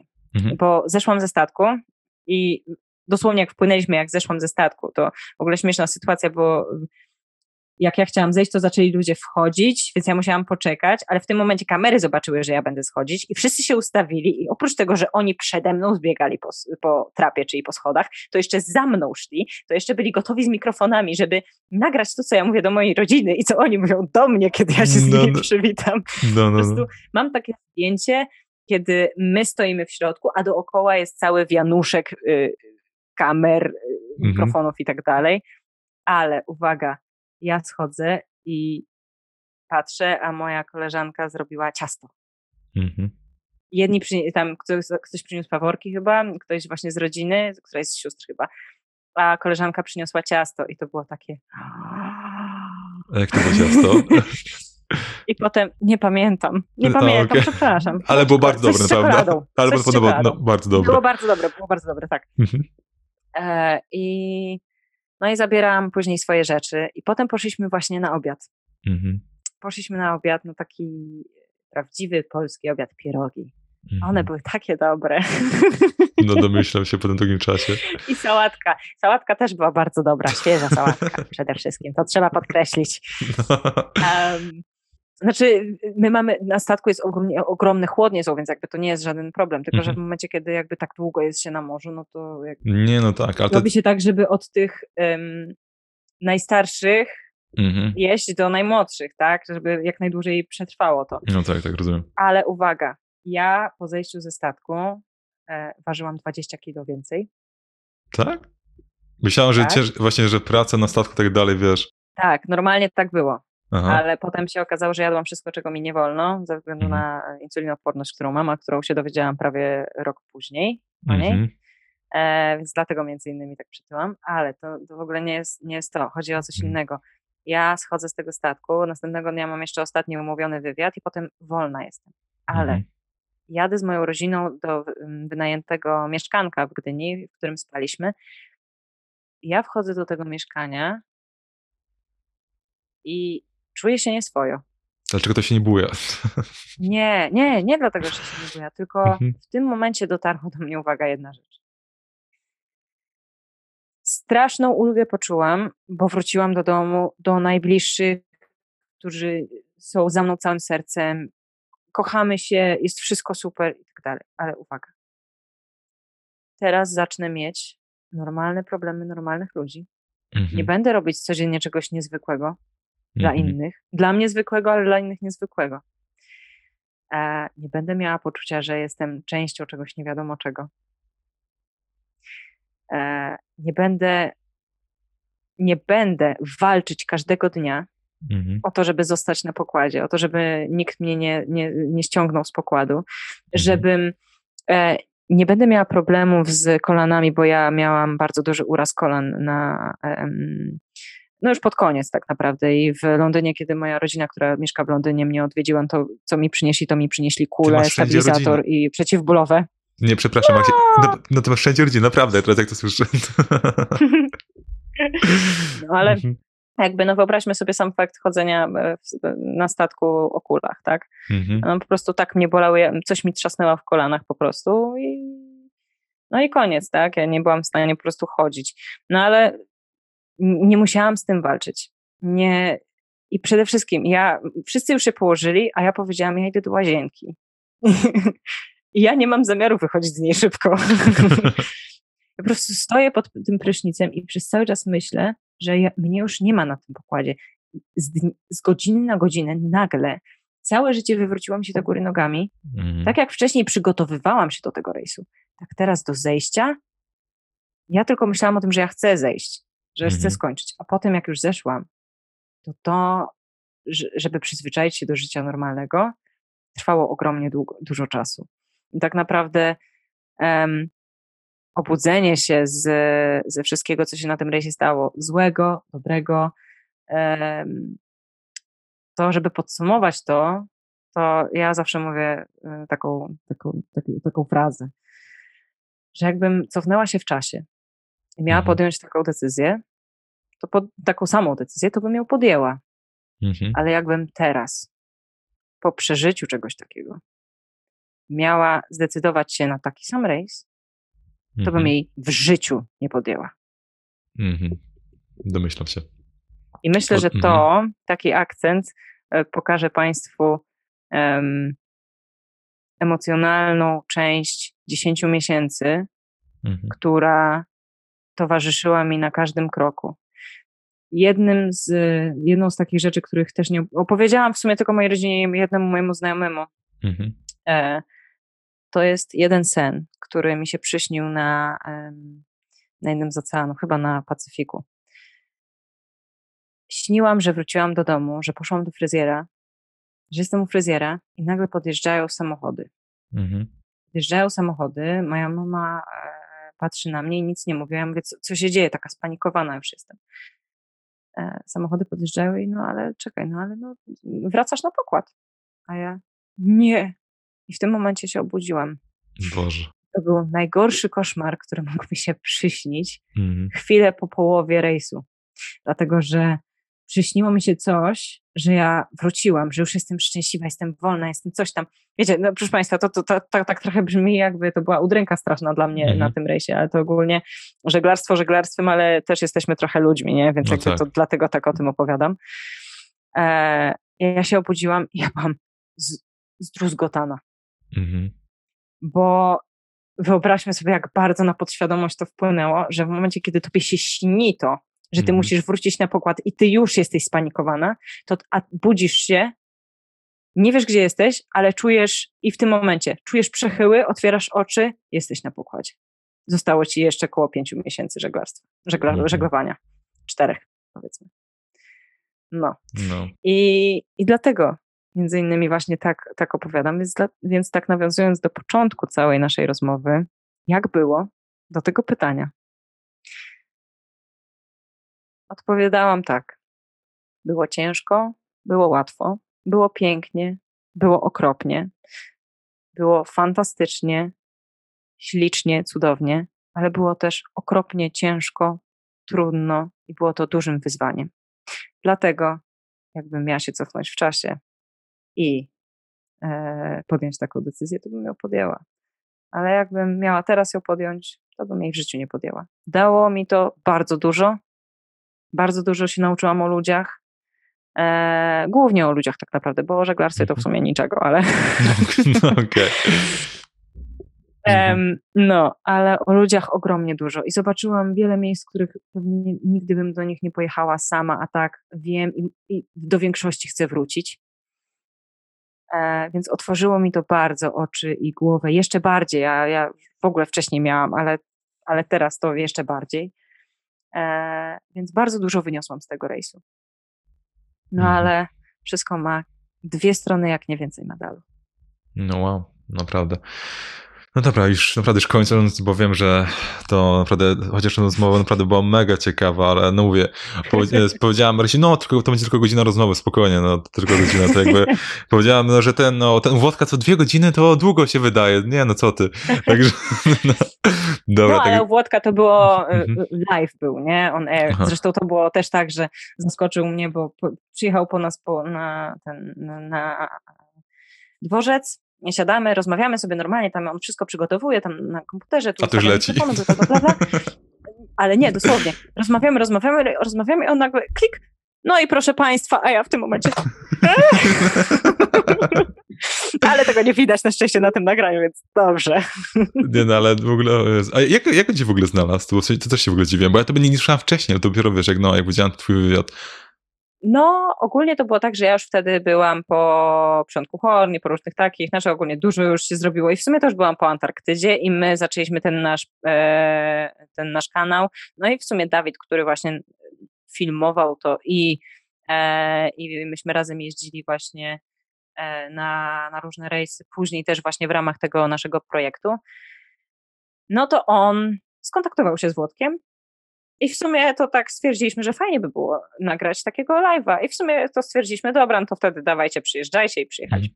Mhm. O, no naprawdę, naprawdę było warto. Ale bardzo miło, ja bardzo miło wspominam to, szczególnie, że później sobie pograliśmy jeszcze na pianinie, które miało w tle, więc hmm. no. No, w sumie szkoda, że więcej tych rozmów nie ma, ale no cóż. No dobra, to no. Takim, no, ale w sumie nie, dobra, w sumie nie, powiedziałem ostatnie pytanie, ale to, nie, dobra, to kłamstwo, bo jest takie ostatnie pytanie, które naprawdę mam. Bo już minęło w sumie dwa lata od tego, jak wiesz, jak zacumowałaś tak. Gdynię od tego czasu. Wiesz, minęło już dwa lata tego wszystkiego i po tych dwóch latach jest, jesteś już takim, no wiem, to będzie negatywne, jak to powiem, ale no, wiesz, co mi chodzi. Jesteś, jesteś takim jakby szarym obywatelem, teraz powiedzmy na lądzie, że tak powiem, wiesz, żyjesz tej, na no. swojej codzienności, no tak. No, tak. Czujesz na przykład, teraz jak była ta pandemia, w domu też w ogóle było trudno, e, wiesz, no tak dalej, podróżować, tak dalej, tak dalej. I jak się tym czujesz? Czy masz te, te, całe wszystkie ciągi do morza? Czy to już jest? Jeszcze no mówimy o tym rejsie na 10 miesięcy, bo powiedział, sam powiedziałeś, że te, to, to na pewno odpada, ale czy ten, wiesz, ciąg do morza cały czas tobie tkwi? Bo, bo to wiesz, tym, ty, tak. po, po, tym, coś na co dzień zajmujesz, to nie jest morze. No, trzeba, trzeba nadmienić. No. Nie, nie, nie, nie, nie. Ja, ja studiuję, ja pracuję. W sumie tak naprawdę pandemia umożliwiła mi to, że ja studiuję i jestem na 7-8 etatu normalnie zatrudniona, plus jeszcze jestem jednym z liderów projektu studenckiego międzynarodowego, w sumie europejsko-azjatyckiego. E, mhm. no, proszę Państwa, zawsze się dużo u mnie dzieje. Naprawdę. E, no. Ona nie ma przerwy. No. Ale... No. miałam. Miałam przerwę właśnie po rejsie niepodległości. E, kilka miesięcy doprowadzania siebie do porządku, e, swojego organizmu do porządku, ale uwaga, uwaga odpowiadając na Twoje pytanie, um, hmm, jakbym powiedzieć to, może tak. Każdy żeglarz ma tak zwaną chorobę, że w momencie, kiedy jest na lądzie, ciągnie go na morze, a kiedy jest na morzu, ciągnie go do lądu. Mhm. Tak jest zawsze. Zawsze. I teraz też bym chciała gdzieś popłynąć. Ja po rejsie niepodległości byłam jedynie przeprowadzić jacht z Nowej Zelandii na Fidżi. Mhm. E, tam na miesiąc, czy tam na półtora miesiąca, ale tam e, tak symbolicznie kupiłam sobie taki pierścionek srebrny, e, taki przeplatana jakby lina powiedzmy. Mhm. E, I to była, to dla mnie symbolicznie oznaczało zakończenie pewnego rozdziału. Mhm. Dlatego, że ja tam popłynęłam, wróciłam i po chwili podjęłam decyzję, że idę na studia i do pracy, jakby tego samego dnia prawie. bo chciałam iść za granicę na studia, ale musiałabym czekać na jeszcze egzaminy, więc stwierdziłam, dobra, idę na razie tutaj, a potem zobaczymy. Mhm. Bardzo się cieszę, że podjęłam taką decyzję. Naprawdę ogromnie się cieszę. To była mhm. jedna z lepszych decyzji, które teraz mogłam podjąć, dlatego że zaczęłam nowy etap w moim życiu. Wtedy, w sensie. No, mm. teraz już w nim trwam. Ale patrząc na to, że przez pięć lat aktywnie przez cały czas było żeglarstwo, ja przez cały czas tak naprawdę poświęcałam szkołę. E, chodzi mi nie o naukę, dlatego że naukę, no to jak Państwo mm -hmm. słyszeli, jak musiałam nadrabiać sama e, i uczyć się, ale znajomości różne, takie życie nastolatka zwykłego, prawda? Mm -hmm. To ja wyjeżdżałam na wyprawy, ja zupełnie w innym świecie byłam. Ja, dla mnie znajomymi mam kolegów, koleżanki, którzy mają 40, 50, 60 lat. Są też młodsi oczywiście, ale, ale my jesteśmy po prostu no, po imieniu, no bo normalnie tak jest w żeglarstwie. I, I to jest normalne i to jest piękne, bo my się wymieniamy różnymi e, doświadczeniami. To jest mhm. zupełnie różnych pól. Ale przyszedł czas na to, żeby spróbować czegoś nowego, powiedzmy, w cudzysłowie oczywiście, czyli zająć się studiami, zająć się pracą. W momencie teraz, kiedy COVID jest, no to e, pandemia, to jakby to dla mnie jest nawet lepiej, dlatego że właśnie umożliwiło mi to, że ja równocześnie siedzę na dwóch komputerach na raz po prostu. Mhm. I pracuję, i studiuję, i wszystko, wszystko idzie do przodu, ale gdyby nie było COVID-u, to ja bym pewnie dalej podróżowała gdzieś dla mnie podróże zawsze istniały i zawsze będą częścią mnie nieodłączną, która będzie, mm, no, która będzie po prostu istnieć. I, i będę planować, i planuję. I, no i zobaczymy, co dalej z tego wyjdzie, ale najważniejsze jest to, że pewien rozdział się zakończył, pewien rozdział się zaczął. Czyli ten, w którym główną, jakby głównym tematem było żeglarstwo, wyprawy i tak dalej, on się skończył. Może będzie jeszcze raz bardzo podobny, ale jednak ten, kiedy ja byłam nastolatką i bardzo dużo, no, znaczy, no, po, można powiedzieć, że bardzo dużo osiągnęło się w, tym, w, tym w takim wieku, to, to on się skończył. Mhm. I to jest tak jakby odwrócenie nowej kartki, żeby była nowa strona, czysta, biała kartka. Piszemy wszystko od nowa. Mhm, no rozumiem. No, zobaczymy, co będzie za tym horyzontem. Nawiązując do, do, do, do no, tak. Do... Gonimy horyzont dalej. A mhm. dogonić? Dogonić to dogonimy go pewnie na sam koniec naszego życia. Dlatego Dogonić Horyzont to opowieść naszego życia. Mhm, dobrze. Dzięki Ci w ogóle, Marcie, za tą rozmowę, naprawdę. Dzięki pięknie. Dzięki, naprawdę no. super się rozmawiało i no i wszystkiego dobrego życzę. No, dzięki, ja też. Dzięki za wysłuchanie rozmów do końca. I tak jak zawsze pod koniec odcinka Sztoskastu promujemy jakąś akcję charytatywną lub społeczną. I w tym odcinku jest to Fundacja Ludziom Morza, która wspiera ofiary wypadków i katastrof morskich oraz rodzin tych, którzy nie powrócili z morza. Fundują stypendia dzieciom z rodzin marynarzy, którzy zginęli w katastrofach promu Jan Heweliusz w 1993 oraz pogłębiarki Rozgwiazda w 2008 roku. Pomagają również innym dzieciom, których rodzice zginęli na morzu oraz dzieciom niepełnosprawnym spoczywających rodzin marynarskich. Od 2005 wsparli 18 takich dzieci i obecnie mają pod opieką 5 stypendystów. Jeśli chcecie ich wesprzeć, to link do fundacji będzie w opisie tego odcinka, gdzie znajdziecie więcej informacji na ten temat. A ja dziękuję Wam jeszcze raz za słuchanie tej rozmowy. Bądźcie zdrów i do usłyszenia.